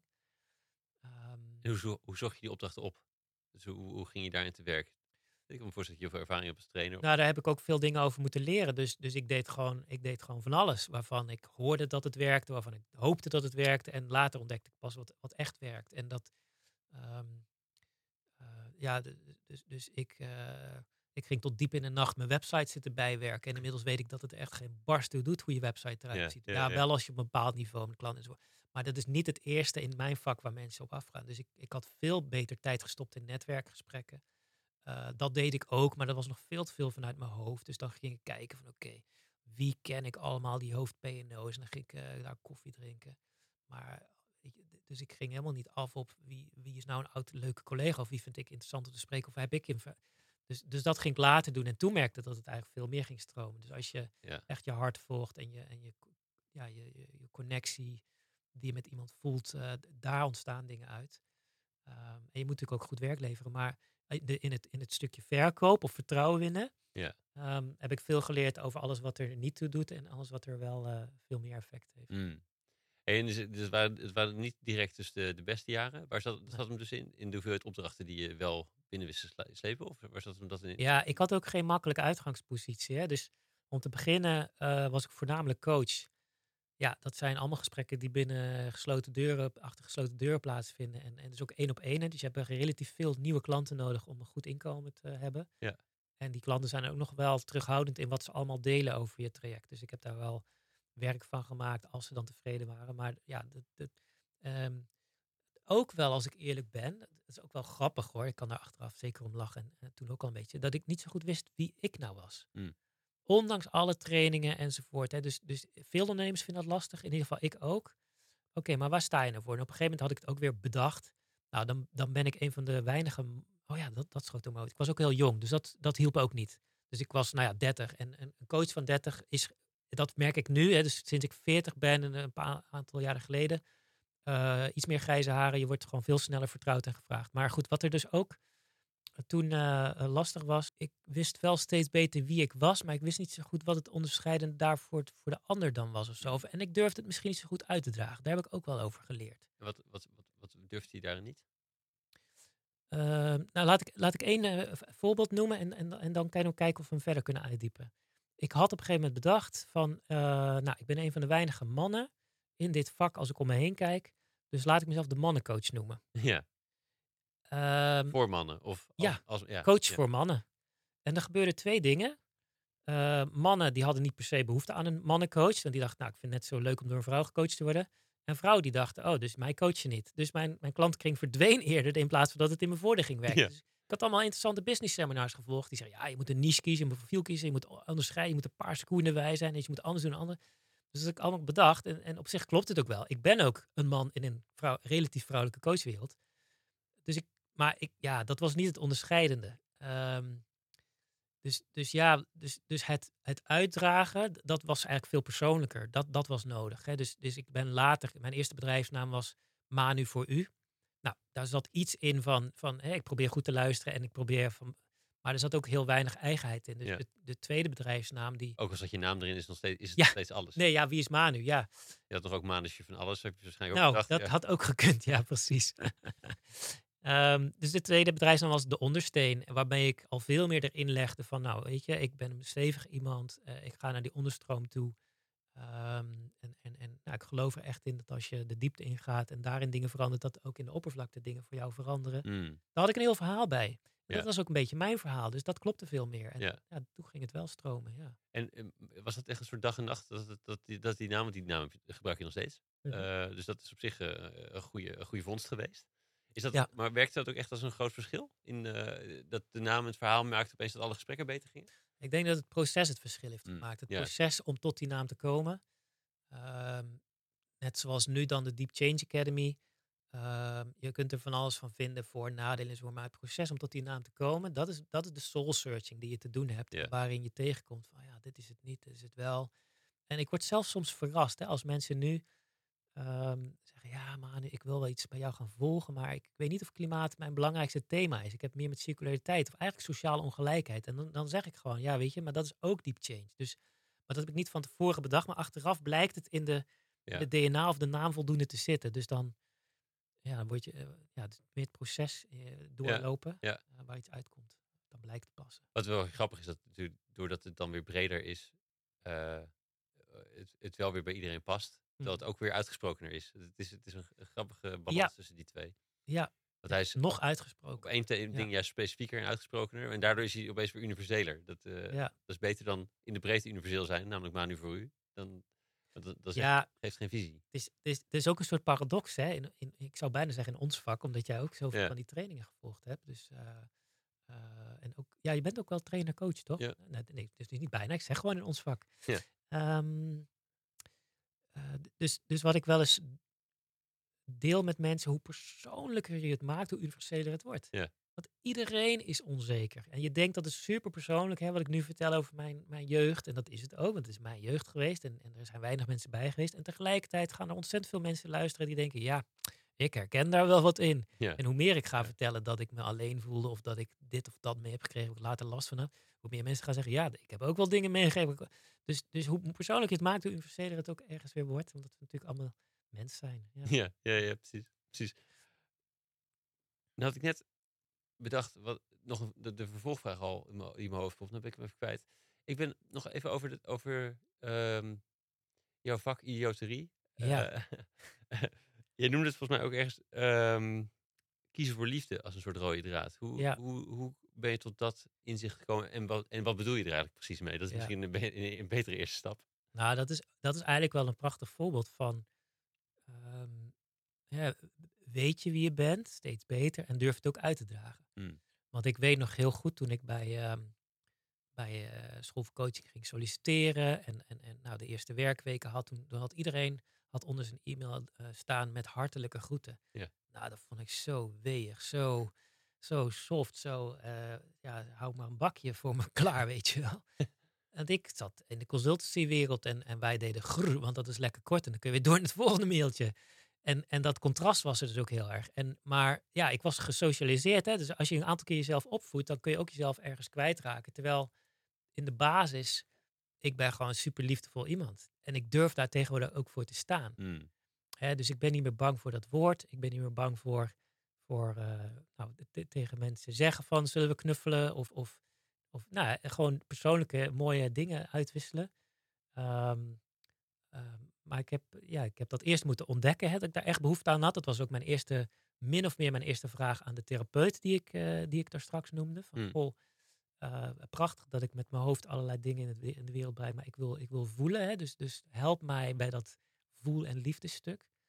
Ehm, ja, en dan op een gegeven moment word je daar beter in en ontdek je ook dat het inderdaad heel erg van je is. En dan, dan ga je dat ook uitdragen. En, Hmm. nou, dus nu staat het ook op mijn LinkedIn-profiel. Ja, ja, ja. Liefde voor al het leven. Ja, ik vind, ik vind kikkertjes geweldig. En ik vind PVV-stemmers ook hele lieve mensen. Maar waarschijnlijk met een beschadiging ergens. Of met een In ieder geval ja, andere interpretatie. nu- andere visie niet de op, op goede zet. dezelfde Ja. goede toekomst bereiken. Weet je? Dus, dus ik, ja, ik geloof wel. Waar natuurlijk Rutger Brechtman een heel mooi boek over geschreven heeft. Hè, dat de meeste mensen deugen. Ja. Ehm, maar ehm, ja, niet altijd de bagage of de, de kennis hebben die hun daar dan weer bij helpt. Ja, ja, ja, precies. Nee, ja, dus dus eh, staande in hun schoenen had je waarschijnlijk hetzelfde gedaan. ja, Ehm, Ja. Vermoed ik dan. Eh, Tenminste, als ik... eh, er zijn ook wel schrijvers die dat eh, over Determined of... eh Mm. heet die Sapolsky. Die, die zegt eigenlijk dat alles... alles eh, het is gewoon één grote bak aan het is een deterministisch wereldbeeld. Maar Mm. het, ja, alles wordt eigenlijk door een stofje ervoor... en dan een andere tijdschaal weer nog iets beïnvloed... zodat het bijna niet anders kan dat je, dan dat je dat doet. Dus ik weet niet zo goed hoe hij denkt over agency of over... Je kan er nog dat, zelf dat is nog een, nemen, maar interessante discussie. Hè, waarbij ook een hele leuke anekdote is van dat er iemand naar Afrika gaat. Die wordt daar naar heen. Ken je de anekdote of niet? wordt ja, daarheen gestuurd Ja. als schoenverkoper. Ja, En, ehm, en eh, hij ziet daar dat niemand op eh, schoenen loopt. Ja. Dus die, die belt naar het hoofdkantoor terug. Zegt, ja, weet je, geef maar op. Ik bedoel, ik, ik heb, hier, ik heb hier niks te doen. Niemand loopt op schoenen. Nou, oké. En dan wordt de volgende verkoper naar Afrika gestuurd. En die belt op van, fantastisch hier. Niemand heeft schoenen. Wauw, wat een geweldige baan. Eh, Jullie zien me over drie jaar terug. ja, Dus ja, ik, ik heb wel geleerd van mijn eigen jeugd in ieder geval. Het heeft me gesterkt in mijn opvatting van... ehm, je kan er echt zelf wat van maken, afhankelijk van hoe je er naar kijkt. En tegelijkertijd eh, is die andere er ook. Dus dit, het zal een debat blijven, nature, nurture. Eh, ja, ja, ja, ja, ik zie bij mijn kinderen dat we ze alle drie een beetje vergelijkbaar proberen op te voeden, maar dat ze echt alle drie weer anders zijn. Ehm, en mijn zus is natuurlijk ook heel anders eh, met, de, met de jeugd omgaan dan ik. Dus nou ja, ja. dat is er ook. Ja, ja. ja en hoe verder je teruggaat, hoe moeilijker het wordt om. eh, in, hoe verder in je jeugd je, je teruggaat, hoe moeilijker het wordt om te zeggen dat er een voorsituatie Mm. was die bepaald heeft dat jij er zo mee omgaat. Iemand anders, Ja. zo, anders natuurlijk. Maar ja. Ehm, hey, je bent natuurlijk op een gegeven moment eh, zelf. je ging zelf coachen. Ja. Bij de ondersteuning je andere mensen bijgekregen. En dat, Ja. Of tenminste, Nou, dat kwam later. dat Ja. kwam later natuurlijk. Waarschijnlijk moet je eerst genoeg, genoeg hebben. En dan pas, ja. en dan pas ga je er eh, een soort usual suspects eh, bij vinden die, die net zo erin staan als jij, denk ik zo. Mhm. Wat voor andere skills moest je als ondernemer allemaal je eigen maken? Ehm, Want je die inhoudelijk goed zijn, er een naam bij, een verhaal bij verzinnen. Ja, ja, ja, ja. Ehm, ja, ik heb het ook maar na, dat, ja, ik heb een beetje bedrijfskunde gedaan af en toe een business seminar gevolgd. Maar ik, ik, heb, ik zou toch geneigd om te zeggen, ik heb het ook maar een beetje geleerd door te doen. Hè, dus gewoon vallen en opstaan.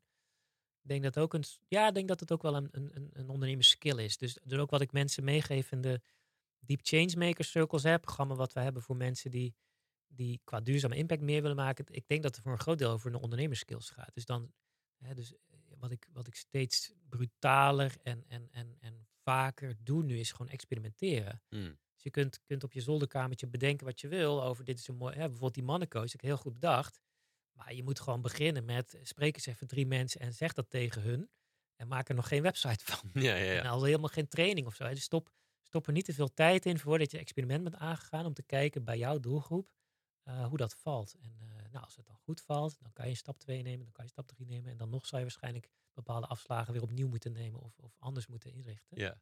Experimenteren is echt wel een ondernemerskill. Vind ik ook leuk. Dus dat echt weer dat leren ook. Ik ben even benieuwd, je noemde die, eh, die drie keer overspannen periodes. Wanneer, Ja. wanneer speelde dat? En wat, wat, wat waren dingen die, jou, die jij toen op je vork haalde? Of was het Mhm. bepaalde stress die speelde? Ja. Eh, hoe, eh, hoe kwam dat? Eh, nou, de eerste keer was eh, toen ik eh, dat traineeship gedaan had en in die, in die rol bij Timo Meulhof, bij de school, eh, nou, ik had toen niet genoemd, maar de schoolboekuitgeverij kwam. Ja. En ik had die functie overgenomen van iemand die daar overspannen in was geraakt. Ja. Dat had misschien al een alarmbelletje Ja, moeten zijn, Maar maar toen niet natuurlijk. Dat, nou, ik wist het wel, maar, nee, maar dat, dat, dat dat misschien dus aan de rol kon liggen en niet aan de persoon. Of dat dat... dat, dat eh, ja, nee, ik denk dat ik dat af- onderschat heb. Ik, ja. ik denk dat dat onderschat heb. Van, ehm, ik denk, nou, dit, dit doe ik wel eventjes. Hè. Dus, dus dat, dat zo'n rol ook echt eh, nou, zoveel van je kan vragen. Mm. Ehm, en wa- wat ik, waar ik toen dus tegenaan liep in mijn eigen ontwikkeling, is dat ik gewoon nog niet zo goed kon falen, nog niet zo goed hulp kon vragen. Nog überhaupt niet zo goed naar mezelf kon toegeven dat iets waarvan ik zelf vond dat het moet, of anderen vonden dat het moet, ja, dat het soms ook gewoon niet kan. Of, eh, dat, Ja, dat je ja. Je eigen onvermogen toegeven. Dus dat, dat was wel een periode waarin ik, waar ik dus daardoor tegen mijn grenzen en iets overheen eh, liep. Ik was gelukkig nog jong genoeg om daar als het ware doorheen te beuken. Dus ik heb die overspannenheid gewoon overleefd. Mm. Terwijl ik achteraf echt wel op terugkijk van dat ik zat toen niet goed in mijn vel. Nee, nee, nee. Als, je, als jij eh, eh, om 11 uur s ochtends met een traan op het toilet staat, die dan weer vermant en dan weer doorgaat, dat, dat gaat niet goed, zeg maar. Weet je. Nee, nee. Maar ik dacht, ja, ik hou dit gewoon vol. Ehm, en, ehm, nou, hard werken, hard werken, hard werken. Waardoor een aantal dingen die veel eisend waren ook minder werden en uiteindelijk dus overleefd. Ja, ja, precies. Ehm, de tweede keer was, eh, was heel anders. Ehm, toen was ik eigenlijk met hele leuke dingen bezig. Ik had, ik had mijn eigen bedrijf. De ondersteun stond toen inmiddels goed op de rit. Dus er kwamen gewoon vragen binnen, genoeg vragen binnen. Ehm, en ik had eh, klimaatgesprekken opgericht daarnaast. Ja. En dat deed ik met veel plezier en passie. En daar zat ook een leuk team bij. Dus hoe mijn week er een beetje uitzag, is dat ik overdag het werk deed voor de boterham, wat ook mooi werk was. Maar dan s'avonds of tussendoor ehm, ja, kwamen er nog allerlei klimaatgesprekken dingen bij. En ik had niet zo goed door nog toen dat je ook met dingen die je heel goed liggen en die je heel belangrijk vindt, ook overspannen kunt raken. Dat, dat er gewoon een fysieke grens is aan Ja. wat een lijf aan kan. En Gezin met jonge kinderen thuis. ook dat, ehm, dat kwam er echt nog bij. Hè? Dus ehm, ja, het was gewoon eh, op. En ik, gelukkig was ik daar wel. Dus ik vind overspannen vind ik ook nog iets echt anders dan eh burn-out. Mhm. Ja, dus, eh, dus dat is het voorstadium. En als je op tijd bij bent, dan, dan valt het nog mee. Dus ik heb toen gelukkig wel ook aan de bel getrokken bij het team. Ik zeg, joh, ik trek het niet meer. Ik begin concentratiestoornissen te krijgen. Ik heb er minder zin in. Dat klopt helemaal niet, want ik vind het eigenlijk heel leuk. Maar ja, ik voel dat anders. Ik had op een gegeven moment een zweetaanval. En ja, ik was toen eigenlijk al genoeg onderlegd als coach om te weten van, nou, check, check, check, check. eh, dit gaat richting burn-out. Eh, dus gelukkig had ik nou, toen een heel fijn team die ook toen zeiden van, nou, Manu, jij... eh, uh, jouw mail mailbox nemen we over en jij gaat gewoon nu aan de zomervakantie beginnen. En, uh, die, die, heeft toen twee, tweeënhalve maand geduurd en zonder, dat was ook een beetje een kwetsbare fase nog denk ik voor de organisatie, zonder dat er te veel rugbaarheid aan werd gegeven naar buiten toe, heeft het team dat toen heel mooi opgevangen. Mm. En kon ik na de lange zomer er weer goed Ja, tegenaan. Goede zomervakantie, ja. ook, ook wel een aantal, uh, aantal beslissingen genomen, hè, dat, het, dat dingen te veel bij mij uh, lagen. En Ja. dat wilde ik in eerste instantie wel, maar dat bleek dus toch niet zo verstandig. Ja, ja, precies. precies. Ja. Hey, dus je bent eh, nog even, even over die klimaatgesprekken. Want je, Ja. dat, dat is iets wat je er dus inderdaad naast begon. Ja, Of, ehm, absoluut. en niet als een deel van je werk, maar er, Mm. er bovenop. Ja. Wat motiveerde je? eh, hoe is die motivatie ontstaan daar? Nou, dus meer dan met individuele coaching of Mhm. teamcoaching bij bedrijven. Ook iets Ja. richting klimaat te doen. Ja, dat was echt wel een aha-moment, hoor. Of een, of een soort klik. Want ik, ik heb in 2006 heb ik eh, als, als, als jongetje dat van de natuur houdt, de bossen graag eh, ingaat. Eh, dus, dus die natuurliefde. En toen zag ik in 2006 een ongemakkelijke waarheid van Al Gore. Mhm. En toen dacht ik, wow, dit gaat helemaal mis. En het gaat niet alleen de verkeerde kant op, maar ook als er een bepaalde eh, drempel overschreden wordt, dan kunnen we dit ook helemaal niet meer tegenhouden. Dan wordt het escalerende klimaatverandering enzovoort. Dus toen ben ik na gaan denken over hoe kan ik daar een bijdrage aan leveren. En ik was wel al voldoende coach, zou je kunnen zeggen, of voldoende zelfbewust, dat ik dacht, ja, ik ga me niet opofferen voor de goede zaak. Ik ga zoeken naar mijn manier, vanuit mijn talenten, mijn kwaliteiten, hoe ik het verschil kan maken. Want je eerste wa- was opofferen. Wat- betekent, wat betekent dat? Nou, je, je, je kan natuurlijk, als je daar zo van schrikt, kan je ook zeggen, nou, dan, dan stop ik nu mijn werk en dan eh, ga ik een jaar lang de barricade op of zo. Of, Ja. eh, zonder de vraag van, word ik daar gelukkig van en wat gebeurt er dan na dat jaar en, en, en leidt mijn gezin daar niet onder? Ja. Dus Ja. dus, dus dat, dat wilde ik niet.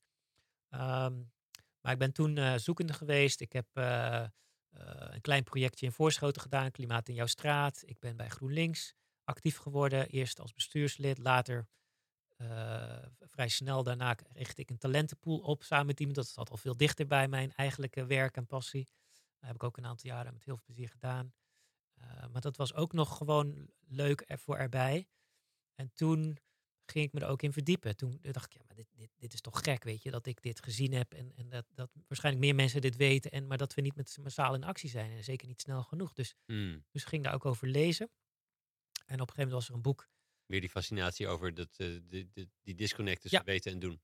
Zeker, ja. En uh, nou, wetende ook vanuit sociologie dat, dat meestal over dit soort dingen best wel wat onderzoek gedaan is, wat bekend is. Dus ik, ik dacht, er moeten ergens antwoorden liggen op deze vraag. En een boek wat precies over die vraag ging, um, van Per Espen Stoknes, met een uh, heel moeilijke titel.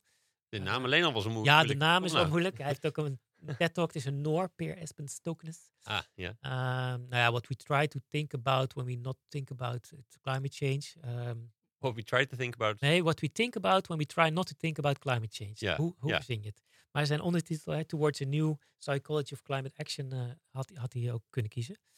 kun, kun je onthouden. um, maar in dat boek las ik een mengeling van sociologische verklaringen, van psychologische verklaringen. En ja, dat sloot zo ontzettend Ja. aan bij mijn rugzakje, bij mijn ervaring. Dat ik denk, ja, nu heb ik het. Nu weet ik wat ik kan doen in deze klimaattransitie. Dus dat was echt een aha-moment. Het was een enorme energiespurt die daaruit voortkwam. Uh, ik las daar ook het vehikel al uit? Of was het meer, zeg maar, de, je Ja. wist welke knop omgezet moest worden? Ja, nou ja, in zoverre. ehm, ik had toen het idee dat ik het ei van Columbus ontdekte, omdat, omdat in dat boek wordt niet alleen beschreven, hè, waarom doen we het niet, maar ook van, en als je nou die principes die dat verklaren omdraait. Mm. en, en in een methode giet, eh, dan, dan zou je dus wel allemaal in actie kunnen komen. En, En had En- deze peer, eh, ik, sorry, ik wil hem peer Mhm. noemen natuurlijk, want gezien de naam. Ja, ja. Maar had hij ook die methode in zijn boek of had hij, moest jij die zelf nog ontwikkelen? nou, die hij noemde dat er dus een initiatief in Engeland was die dat dus gedaan had. Die Car- carbon, Carbon Conversations. Dat was één alinea in het hele boek. Maar die liet mij niet los. Dus, dus ik las het in de kerstvakantie. En twee weken later had ik al genoeg contacten gelegd met Engeland. Van, eh, ja, weet je, bestaat het hier? Kan ik het naar hier halen? En vanaf daar is het gaan rollen. Eh, ben, ik, ben ik de eerste workshop zelf gaan geven. In, eh, dus het is een coachende workshop methodiek. Ja. Ehm, en en nou, dat, dat, dat, ja, dat was gewoon een ontzettende klik met wat ik te doen had en wat ik kon brengen. En, Ja, wat goed. lang verhaal. Kort, misschien wil je het lange verhaal hoor, dan geef het maar aan. Maar vier jaar later zaten we in heel Nederland en wonnen we de Duurzame Dinsdagprijs. En we stonden in de Duurzame Top 100. En weet je, het was gewoon zo kloppend dat, dat zo'n mooie methode in Nederland verscheen. Dat heel veel mensen daarop aan wilden haken. Dat het nu ook echt onderdeel is van het groene landschap. Wat toen mijn visie, mijn droom was. Van dit, dit stukje in de puzzel ontbreekt nog. Hè, want een heleboel andere organisaties ook super nuttig. Je moet ook activistisch zijn. Ehm, eh, nou ja, ik bedoel, ik heb respect voor alle milieuorganisaties die er al waren, maar klimaatgesprekken, het, het eh, op een eh, manier samen met anderen onderzoeken van, van nou, welke stap je allemaal kunt zetten, dat was er nog niet en eh, dat sloeg heel erg aan. Ja, nee, ik- Hm. mooi. En ik, ik ben nog een paar dingen in, het, in dit verhaal nog wel benieuwd naar. inderdaad. Ja. En ehm, gewoon de, de, de methodiek. Dus waarom, die- waarom die, wat maakt die gesprekken zo effectief? Ja. En, en ook wat was er voor nodig om zo'n daar een grotere beweging van te maken. Behalve het enthousiasme van één vakidioot die denkt, dit, dit, is, het, dit is het, zeg maar. hè? Ja, Eh, met, alle, met alle eer voor vakidioterie. Maar het is vaak Mhm. één set aan skills die, die Ja. in zo'n... In zo'n om zoiets te bereiken heb je waarschijnlijk meer nodig dan, dan één iemand zijn, zijn, eh, zijn, zijn inzichten. Dus daarom. Ja. nou ja, eh, even kijken hoor. Laat ik dan beginnen bij de methodiek. Ehm, in het kort, denk ik, want anders moet ik een soort college klimaatpsychologie gaan geven. Ehm, in het kort denk ik dat, dat de methodiek ervan uitgaat dat mensen niet rationele, maar emotionele wezens zijn. Dus we willen wel veranderen, maar daar komen we er niet aan toe. Eh, nou, door zo'n zesdelige workshopreeks te hebben, heb je een positieve stok achter de deur. Dat is punt één. Punt twee is, we vinden het altijd fijner om door andere mensen gestimuleerd te worden. Daarom zijn er sportscholen en gaat niet iedereen zijn eentje in het bos lopen. Daarom zijn er yogalessen, daarom zijn er... Nou, Ehm, dus, dus erkenning van de menselijke aard. Van de, eh, dus er zijn enkeling die op discipline wat ik, maar de meeste mensen worden gegrepen door Ja. enthousiasme, door positiviteit, door, door met eh, de groep te doen. Ehm willen ook niet gekke Henkie zijn. Dus, de, dus het is ontzettend fijn om gelijkgestemden te ontmoeten in zo'n klimaatgesprekkenworkshop. Dat is, dat is denk ik punt één een beetje. Die dynamiek kun je heel erg creëren met elkaar, zodat er, eh, zodat er een, eh, ja, echt een actiesfeer ontstaat, positief. En ik denk punt twee is dat ehm, dat de, de methodiek heel erg intrinsieke motivatie aanboort en aanwakkert. Ja. Dus mensen worden eh coachend gevraagd van wat vind je belangrijk aan, aan wonen, aan reizen, maar ook aan, aan de toekomst die je achterlaat. Aan, eh, dus het is niet met het wijzende vingertje wat onbedoeld de wetenschappers altijd gedaan hebben of de milieuorganisaties tot dan toe aan het doen waren van nou als we dit niet doen, dan nou, het Greenpeace spotje, eh, nogmaals met respect, maar die waarschuwt wel van wat dan de gevolgen zijn. Ja. Ja, Per Esmes ook eens zei toen al van ja, mensen, mensen klikken gewoon liever weg bij slecht nieuws. Dat is, Mm. dat is een soort wetmatigheid. Dus, dus het vragen naar wat vind je zelf belangrijk en dan vervolgens het koppelen aan, goh, maar dan zou dit je duurzame actie kunnen zijn. eh, dat werkt gewoon veel beter. En eh, dat blijkt ook, hè, want als mensen, eh, in, in Engeland is toen onderzocht, als mensen die workshopreeks gevolgd hebben, dan hebben ze na afloop of hè, bij, aan het einde van de workshopreeks hebben ze iets van 20% reductie van hun broeikasgas. maar drie jaar later is dat nog gestegen. Mm. Dus het is niet zo oh, workshop klaar, acties klaar. Het is, Ja. dit, ze zijn echt aangezet, eh, ook op langere termijn. Want ja, als het gaat over hoe je woont, of, eh, dan heb je daar soms meer tijd voor nodig eh, om die actie tot Ja, te brengen. En, Ja. en- maar als het echt klopt, en, en ja, dat, dat, ehm, ja, daar ben ik dan toch van overtuigd dat dat, dat dat kan. En ik denk dat dat ook aanstekelijk is, heeft gewerkt in het opbouwen van die, van die beweging. Hè? Mm. Dat, dat als je uitgaat van het goede in de mens, dan kun je altijd wel een connectie vinden tussen, tussen wat iemand wil en de duurzaamheidsactie die daarbij zou kunnen horen. Ja, precies. Ja. precies. En hoe is, hoe is het gegaan om daar zo'n beweging van te maken? Want dat, Ja. dat, dat- dat- eh, ik kan me voorstellen dat je één keer zo'n eh, groepje bij elkaar vindt. Ja. eh, of eh, een setje mensen vindt die mee wil doen. Maar hoe, hoe, hebben jullie dat, hoe hebben jullie dat gedaan? Ja. ik, als ik hem eerst even op, op hoofdlijnen uh, deel, dan, dan deel ik eigenlijk ook meteen de thema's van de circles zoals we die uh, in de Deep Change Academy. Dus ik, alle lessen die ik daar heb geleerd, geef ik ook mee in het ondernemersprogramma of het persoonlijk leiderschapsprogramma voor duurzame doen. Dus waar het om gaat is, allereerst weet heel goed wat je levenslust geeft. Hmm. Ik kreeg zo'n spurt van energie dat uiteindelijk ik wel zelfs overspannen van werd zonder dat het me overviel. Maar daarvoor, ik werkte gewoon avonden, weekenden, 24-7 bijna, zonder dat het voelde als werk. Nou, dat kan alleen maar als je het precies doet, dat goed wat dat bij je past. Mm. Dat was niet, ik doe daar niet te makkelijk over. Hè. Ik heb bijna tien jaar gezocht naar, naar die klik. Maar als je hem vindt, dan is het goud waard. Dat is één. Eh, maar je zei het al, ja, één vakidioot doet het niet. Dus het gaat ook over omgaan met tegenslagen en balans. Dus ik heb ook moeten leren, ook in dat proces, hè, van, van nou ja, zorg dat je balans houdt. Daar helpt een team om je heen. Dus ik moest een team zoeken. Um, eh, ik, ik, heb moeten leren over creatie en innovatie. Dus, dus wat ik net zei over het experimenteren, ook bij klimaatgesprekken. De eerste uh, twee jaar bijvoorbeeld noemden wij de mensen die we opleiden om die workshops te begeleiden, noemden wij groepscoaches. Mm en later zijn we ze klimaatcoaches gaan noemen. En klimaatcoaches was blijkbaar een veel aantrekkelijker begrip. Uh, heeft ons ook weer geholpen om bij organisaties in beeld te komen. Want dan ja, gemeentes die wilden wel betalen voor een aantal klimaatcoaches in hun gemeente. Dat werd in één keer begrepen zo hè, door beleidsmakers. Dus ook daarin goed luisteren, het experiment aangaan. Uh, nou, en, en, en ja, follow the flow. Hè. Dus waar, waar zit jouw eigen flow van? Hé, hey, dit vind ik leuk, daar wil ik meer over vertellen. Maar ook waar zit de flow van de, van de klanten?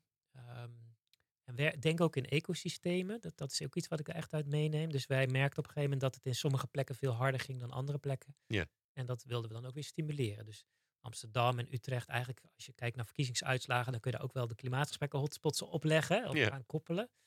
Uh, maar dat is alleen maar goed hè, dat je dat aan elkaar, dat je dat ook gaat benutten. Mm. Dat je weet van nou, als we daar nou meer tijd en energie in stoppen, dan zal er ook meer uitkomen. En dat heeft voor de versnelling om, om dingen op te bouwen enorm geholpen. Dat je niet aan dode paarden trekt, maar dat je aan levende paarden trekt. En die creëren op een gegeven moment de massa en beweging om ook de dode paarden wat op gang te brengen. En uh, ja, dan, dan heb je al wat. Ja, ja, mooi. dus dat, dat is inderdaad, dat is een beetje heel hard gegaan. Uh, jij hebt, je hebt zelfs uh, een team gevonden wat, wat je kon ondersteunen toen jij even, ja. even, even, wat, op, even op de rem moest. Ja.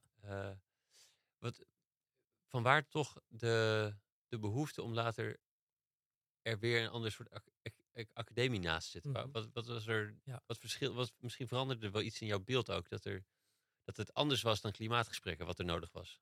Ja, um, daar zitten een aantal dingen aan vast. Um, allereerst denk ik een stuk zelfkennis, dat ik meer een trainer, coach en ondernemer ben dan een manager, directeur, bestuurder. Als je mm. kijkt naar hoe groot het klimaatgesprek is geworden, dan was ik niet meer de juiste man op de juiste plek. Op, hè, dus dus ik, ik heb toch de neiging om dingen te veranderen en te ontwikkelen. En dat, als je dat op die plek goed doet, dan moet je daar de tijd voor nemen. En dan moet je dat goed afstemmen met mensen, want die zijn ook ergens op ingestapt. Je kan niet in één keer eenzijdig dat contract veranderen als het ware. Zo, er was een tijd dat we konden zeggen, ja, gisteren heten jullie groepscoaches en vandaag heten jullie klimaatcoaches.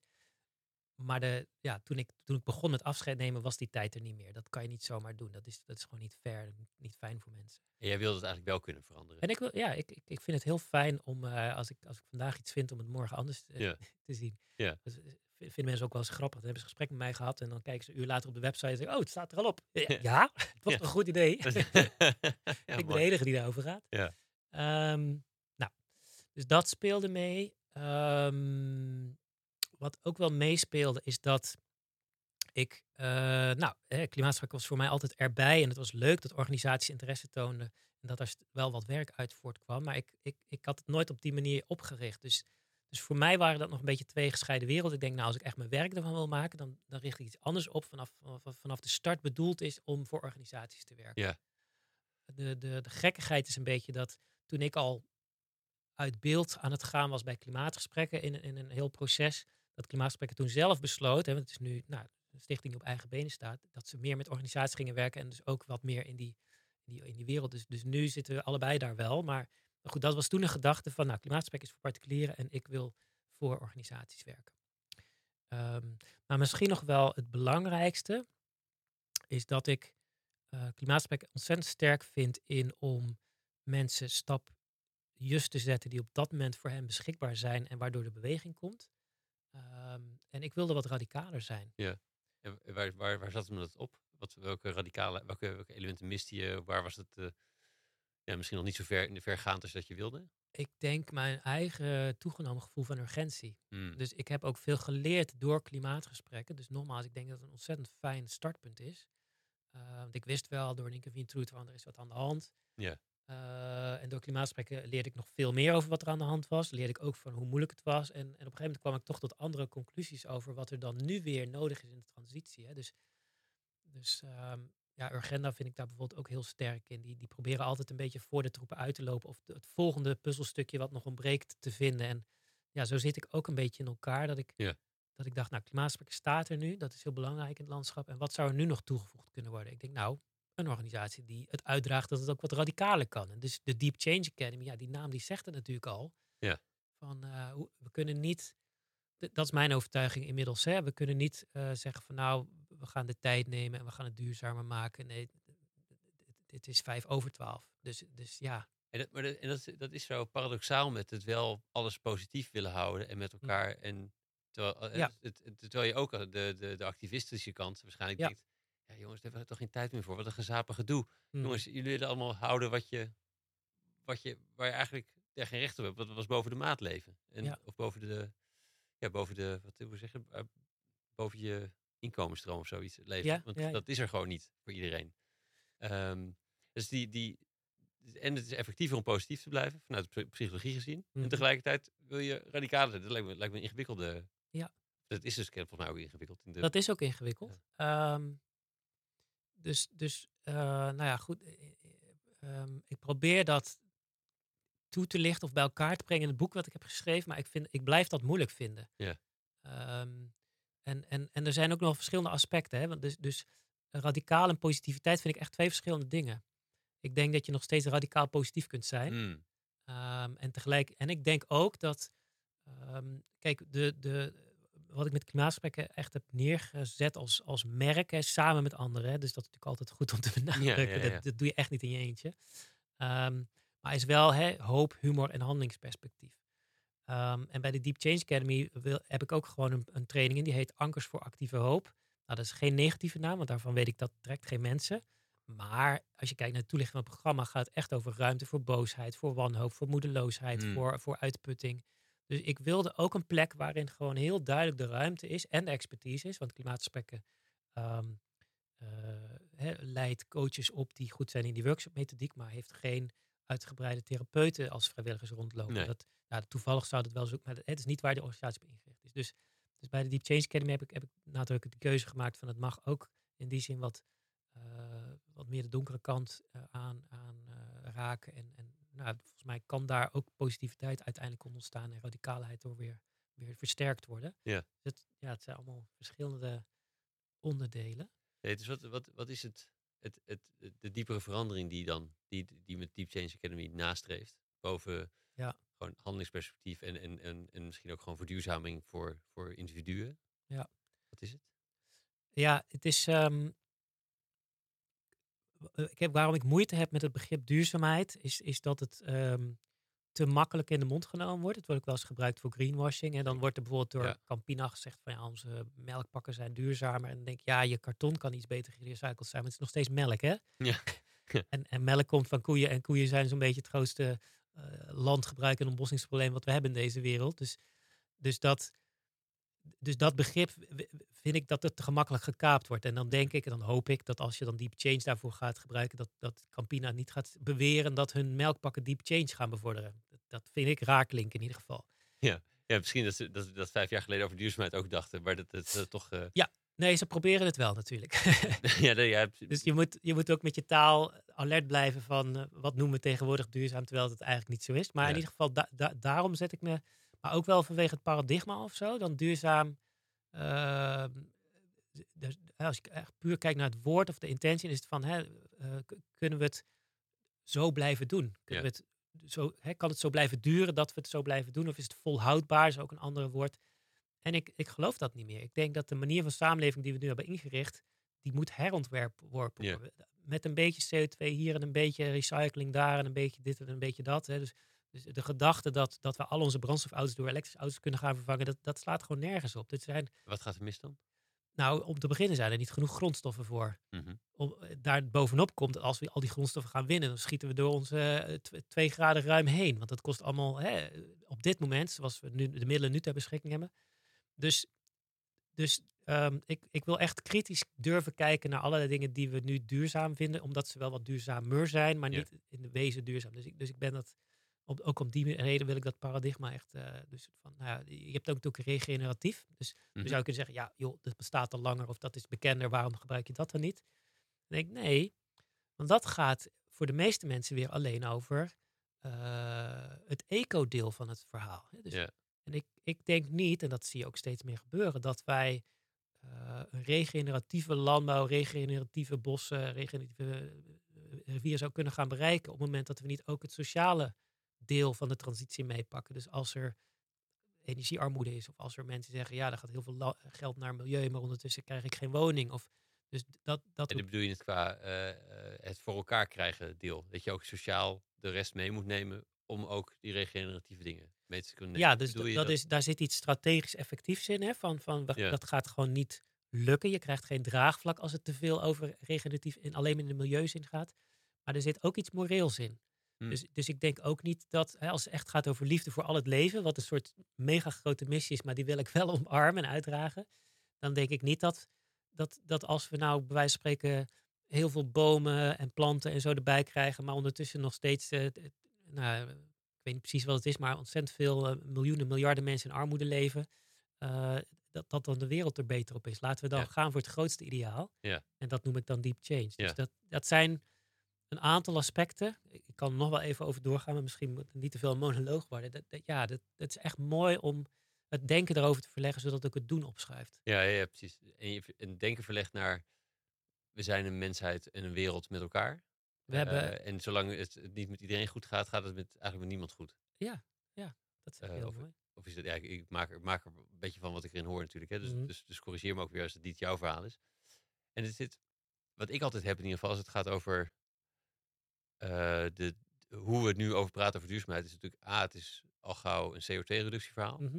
Eh, en heb je alle CO2-uitstotende of alle andere CO2-equivalent uitstotende eh broeikasgassen eh, Mhm. vervangen, dan heb je nog niet het, nou, het, het, het hele mechanisme van ons als mensheid vervangen. Dat we niet op eh, morgen een ander probleem hebben gecreëerd. Juist, ja. Morgen tegen een andere grens aanbotsen. Ja. Eh, waardoor een andere planetaire grens eh, naar de, naar de, naar de galamiezen gaat. Kijk, veel van de dingen waar we nu tegenaan lopen zijn natuurlijk symptomen, zijn voortvloeisels van een bepaalde manier van denken vooral. Ja. Ehm, denken dat wij eh, het recht hebben om de natuur te controleren, denken dat we de kunde hebben om de natuur te controleren, terwijl nu blijkt dat we gewoon op ruimteschip aarde zitten. Ja. En eh, ja, wat we hier eh, wegstoppen of wegduwen, dat komt via een waterbedeffect daar weer gewoon weer terug. Ja. Dus, dus dan kan je CO2 reduceren met windmolens en dan kom je er een keer achter dat nou ja, dat, dat eh, de gebieden waar eh, land ontgonnen is ook hè, eh, degraderen, vo- voedseltekorten opleveren of, of weerspatronen weer beïnvloeden. Dus, dus het is niet, wij, wij, we hebben een soort hubris, noemen ze dat in. Griekenland, hè, een soort overmoed als mensheid. Dus in mijn boek beschrijf ik in het laatste hoofdstuk van, ja, wat zijn nou de grondslagen voor een nieuwe beschaving? Ik laat me dan ook echt wel door anderen inspireren, maar ik heb ook geprobeerd mijn eigen synthese daarvan te maken. Dus dat het echt, eh, nou, dat we meer op natuurlijke intelligentie gaan proberen te, te bouwen en daar gebruik van maken en minder op menselijke intelligentie. Want ik, zolang we dat blijven doen, eh, hè, dus ook de, de, de, het idee van geoengineering vind ik ook zeer gevaarlijk. Denk, ja, dan ga je het broeikasprobleem op proberen te lossen door dit.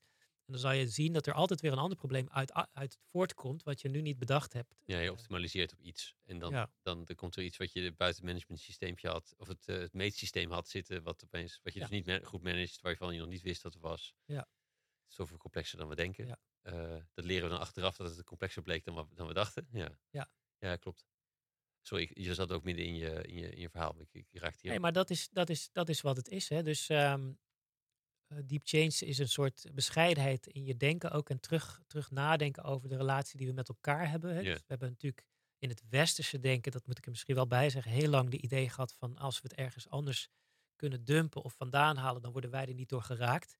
Dat was in zekere zin ook. Hè? Dus het hielp een tijdje om de schoorsteen hoger te maken. Want dan ging je naar Duitsland en op een gegeven moment kregen we daar last van. En ik denk, nou, die zure bossen, daar hebben we. Dus, dus we hebben het la- lang kunnen uitschuiven, verder schuiven en voor ons uitschuiven. En nu merken we, het is toch gewoon één aarde en het komt nu gewoon op onze Ja, we zijn met zoveel, zo onze groot bezig dat, ja, dat het voordeur. En, niet meer ja, te verstoppen is.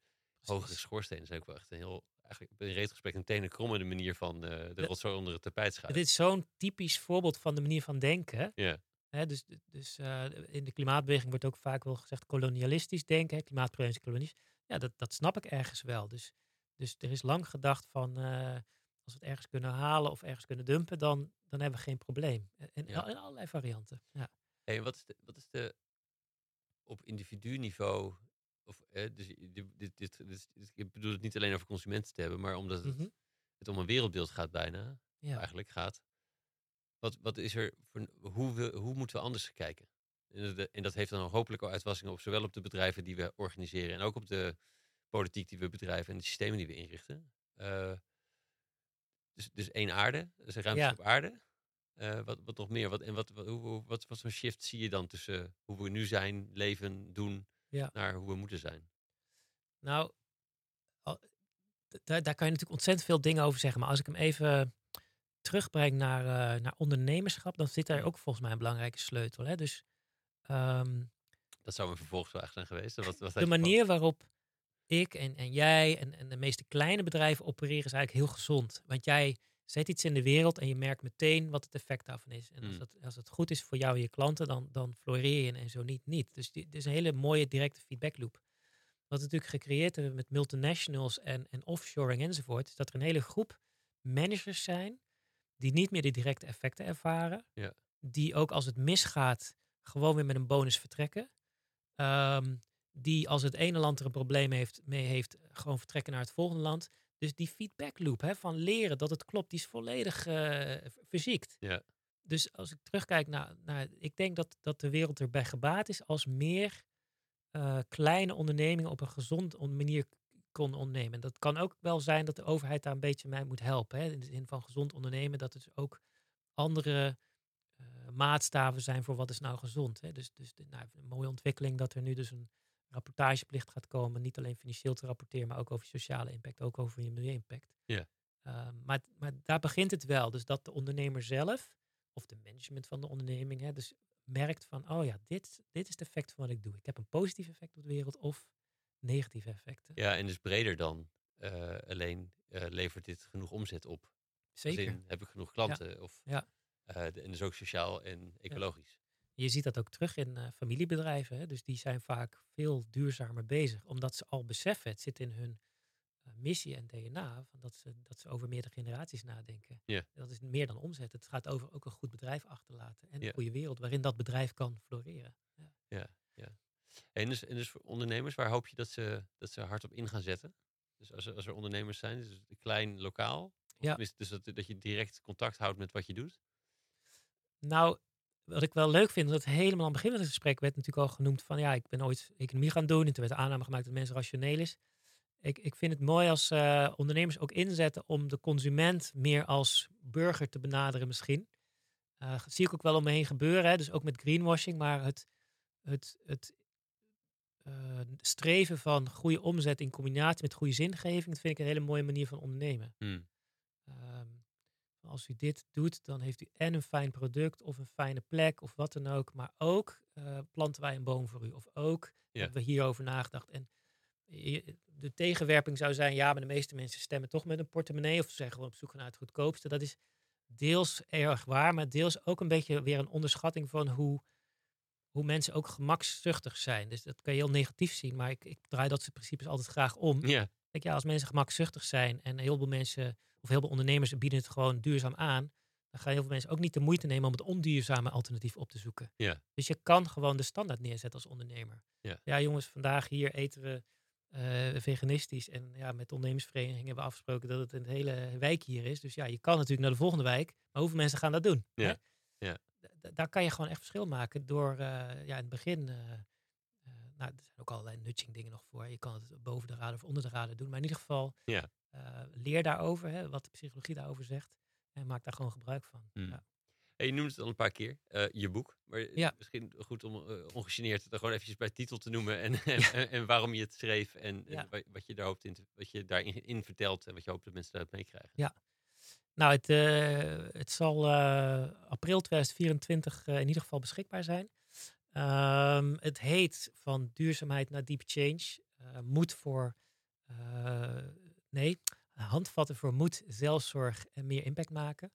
En het heeft naast de hele algemene hoofdstukken, waarin het gaat over wat is de stand van zaken en waarom deep change en wat is het alternatief, heeft ook hele concrete hoofdstukken. Wat gaat over hoe eh, maak je je werk effectiever, hoe onderneem je effectiever, hoe eh, voer je klimaatgesprekken ehm, en hoe zorg je voor je eigen balans en zelfzorg in deze moeilijke tijd. Dus dat, dat, dat, die, die middelste hoofdstukken zijn heel persoonlijk en heel praktisch eh, gericht. Want ik, ik hoop, en hè, daarom heb ik het boek ook geschreven, dat dit boek mensen helpt om het verschil te maken. Ik heb zoveel geleerd in mijn carrière om effectief te worden, dat ik dacht van ja, als alle duurzame doeners dit nou ook weten, dat is misschien een naïeve gedachte hoor, maar dan, dan gaan we echt sneller stappen maken. En, Ja.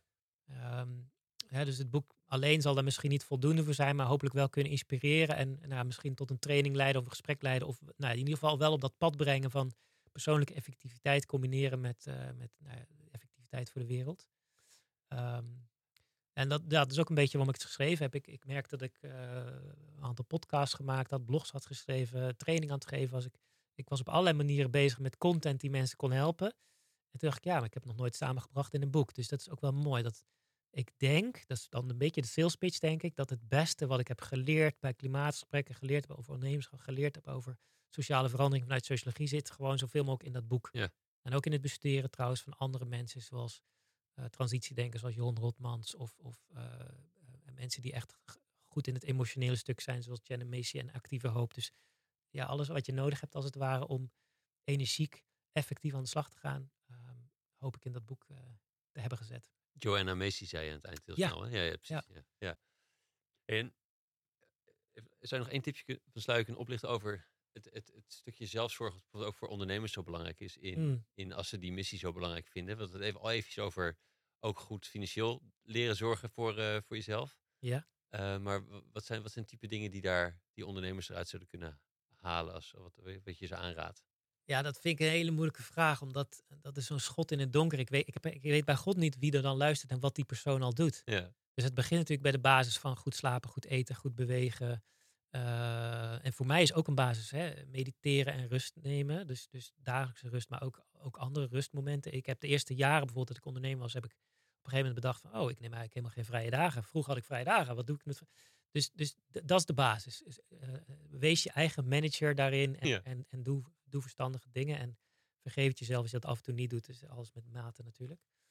Ehm, en daarnaast is het denk ik heel fijn om voor die zelfzorg ook ehm, niet alleen inhoudelijk goede mensen om je heen te hebben of, of functioneel goede mensen om je heen, maar ook emotioneel. Hè? Dus ook, dat kan ook je thuis eh, natuurlijk zijn.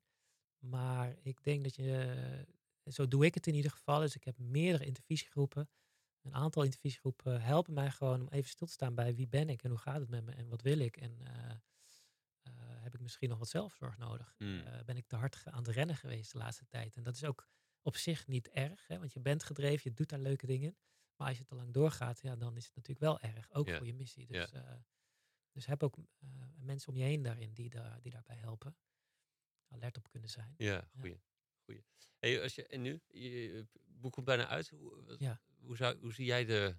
En misschien ook, ook een beetje met de, met, de, eh, met de kennis van de wetenschap. Maar de, de, ik wou zeggen, de, hoe zie je dat voor je zo de komende vijf tot tien jaar? Maar ik bedoel het eigenlijk op jou gericht. Maar jij, weet, jij hebt natuurlijk ook gelijk zo'n bril misschien. dat Mhm. oh ja, vijf tot tien jaar, dat is 2030. Ja, Dat is ook zo'n zo'n jaartal wat we veel aanhalen in de... dat klopt, ja. ja. Hoe zie jij, wat zie je voor jezelf voor je in ieder geval? Waar, hoe, waar hoop je dat we heen gaan of jij heen gaat? Ehm, als ik die twee een beetje probeer te combineren, dan denk ik dat de, ehm, de, de, de in, ja, ik ga toch een zwaar woord gebruiken, de ineenstorting van onze samenleving zoals die nu al gaande is, wie, wie goed kijkt kan daar Mhm. de voorbeelden van zien, dat die doorzet. Ehm, maar dat tegelijkertijd de opkomst van een nieuw soort samenleving ook doorzet. En ik hoop dat ook in mijn persoonlijke leven te zien. Dus ik ben bijvoorbeeld herenboerenlid. Dat betekent dat ik elke zaterdag naar een stuk land ga wat met 200 gezinnen ge- eh, gehuurd wordt. En daar zijn boer in. Dus het is gewoon een andere landbouw, een andere manier van voedselvoorziening. Dat dat blijft groeien. Ehm, Heel mooi initiatief trouwens.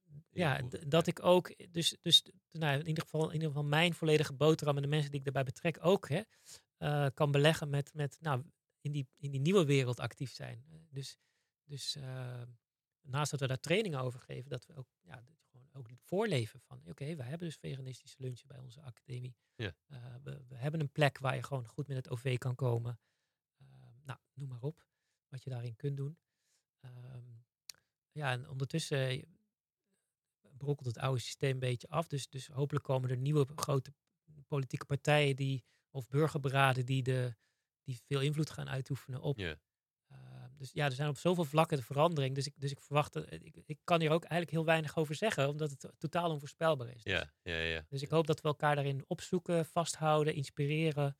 Ehm, als mensen die, eh, die, die dus niet denken dat het oude door kan gaan en, en, en dit ook niet willen, eh, die, die mooi vervangen door iets anders. Ehm, ja, Ja.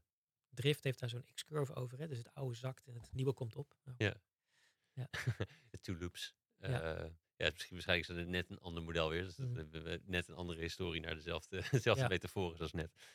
Ehm, ja, we gaan een beetje richting afronding. Ehm, behalve als jij nog één dingetje had wat je, wat je graag nog even wilde noemen over de deep change.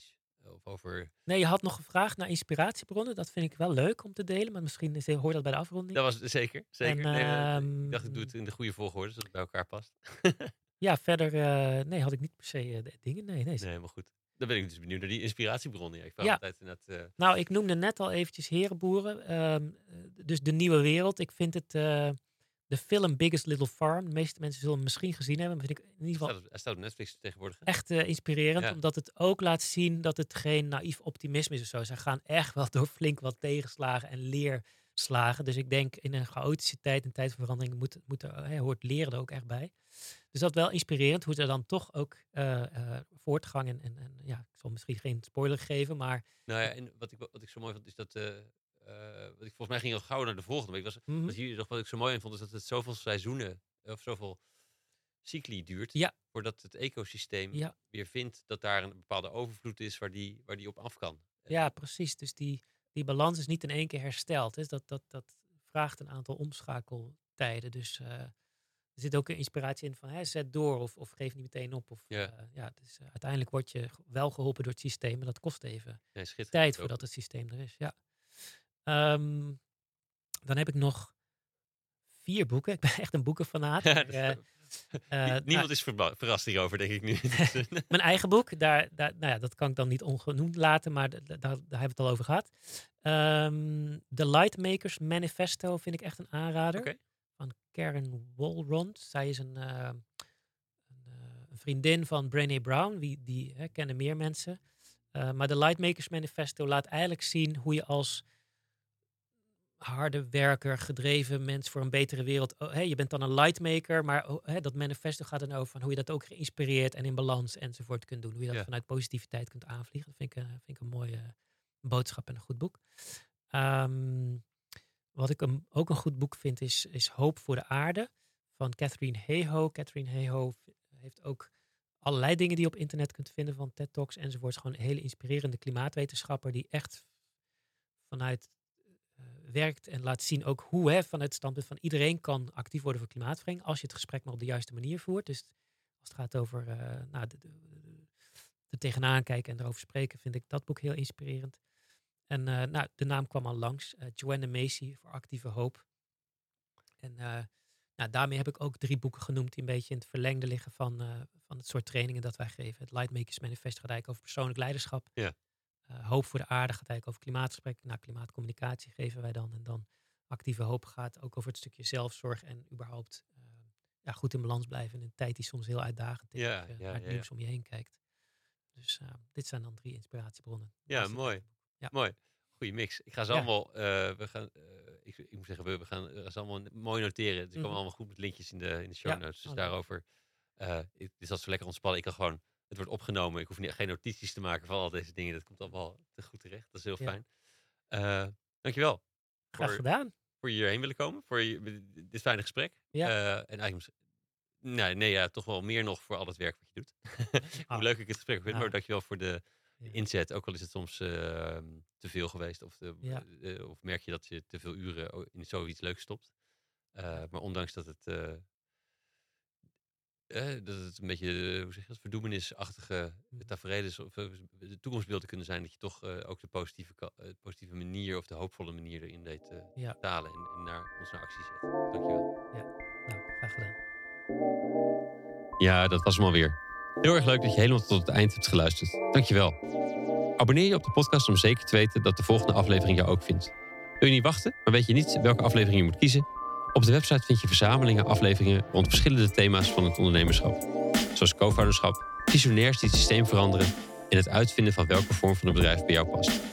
Deze vind je naast uitgebreide show notes met alle lessen en links van alle afleveringen op www.studiogeorge.nl slash podcast. En ik probeer in mijn interviews met mijn gasten de belangrijkste inzichten te ontdekken van hun reis als ondernemer. De kern van hun lessen kun je wekelijks tot je nemen door je in te schrijven voor mijn nieuwsbrief Shots of Strategy. Elke vrijdag deel ik daar of de drie belangrijkste inzichten van het gesprek, of een oefening, een tool of een deep dive in een leiderschapsthema van ondernemers. Schrijf je in op www.studiogeorge.nl slash shots of strategy, allemaal aan elkaar. Als laatste, wil je groeien in je ondernemerschap? Ik help je graag om heel helder te krijgen wat je visie en waarden zijn. En om daar een bedrijf bij te ontwikkelen dat slim werkt, bij jou past en het impact maakt. Een mix tussen coaching en advies. Een mix tussen business skills en persoonlijk leiderschap. Kijk op www.studiogeorge.nl slash coaching voor de opties. Heb een goede dag en tot de volgende.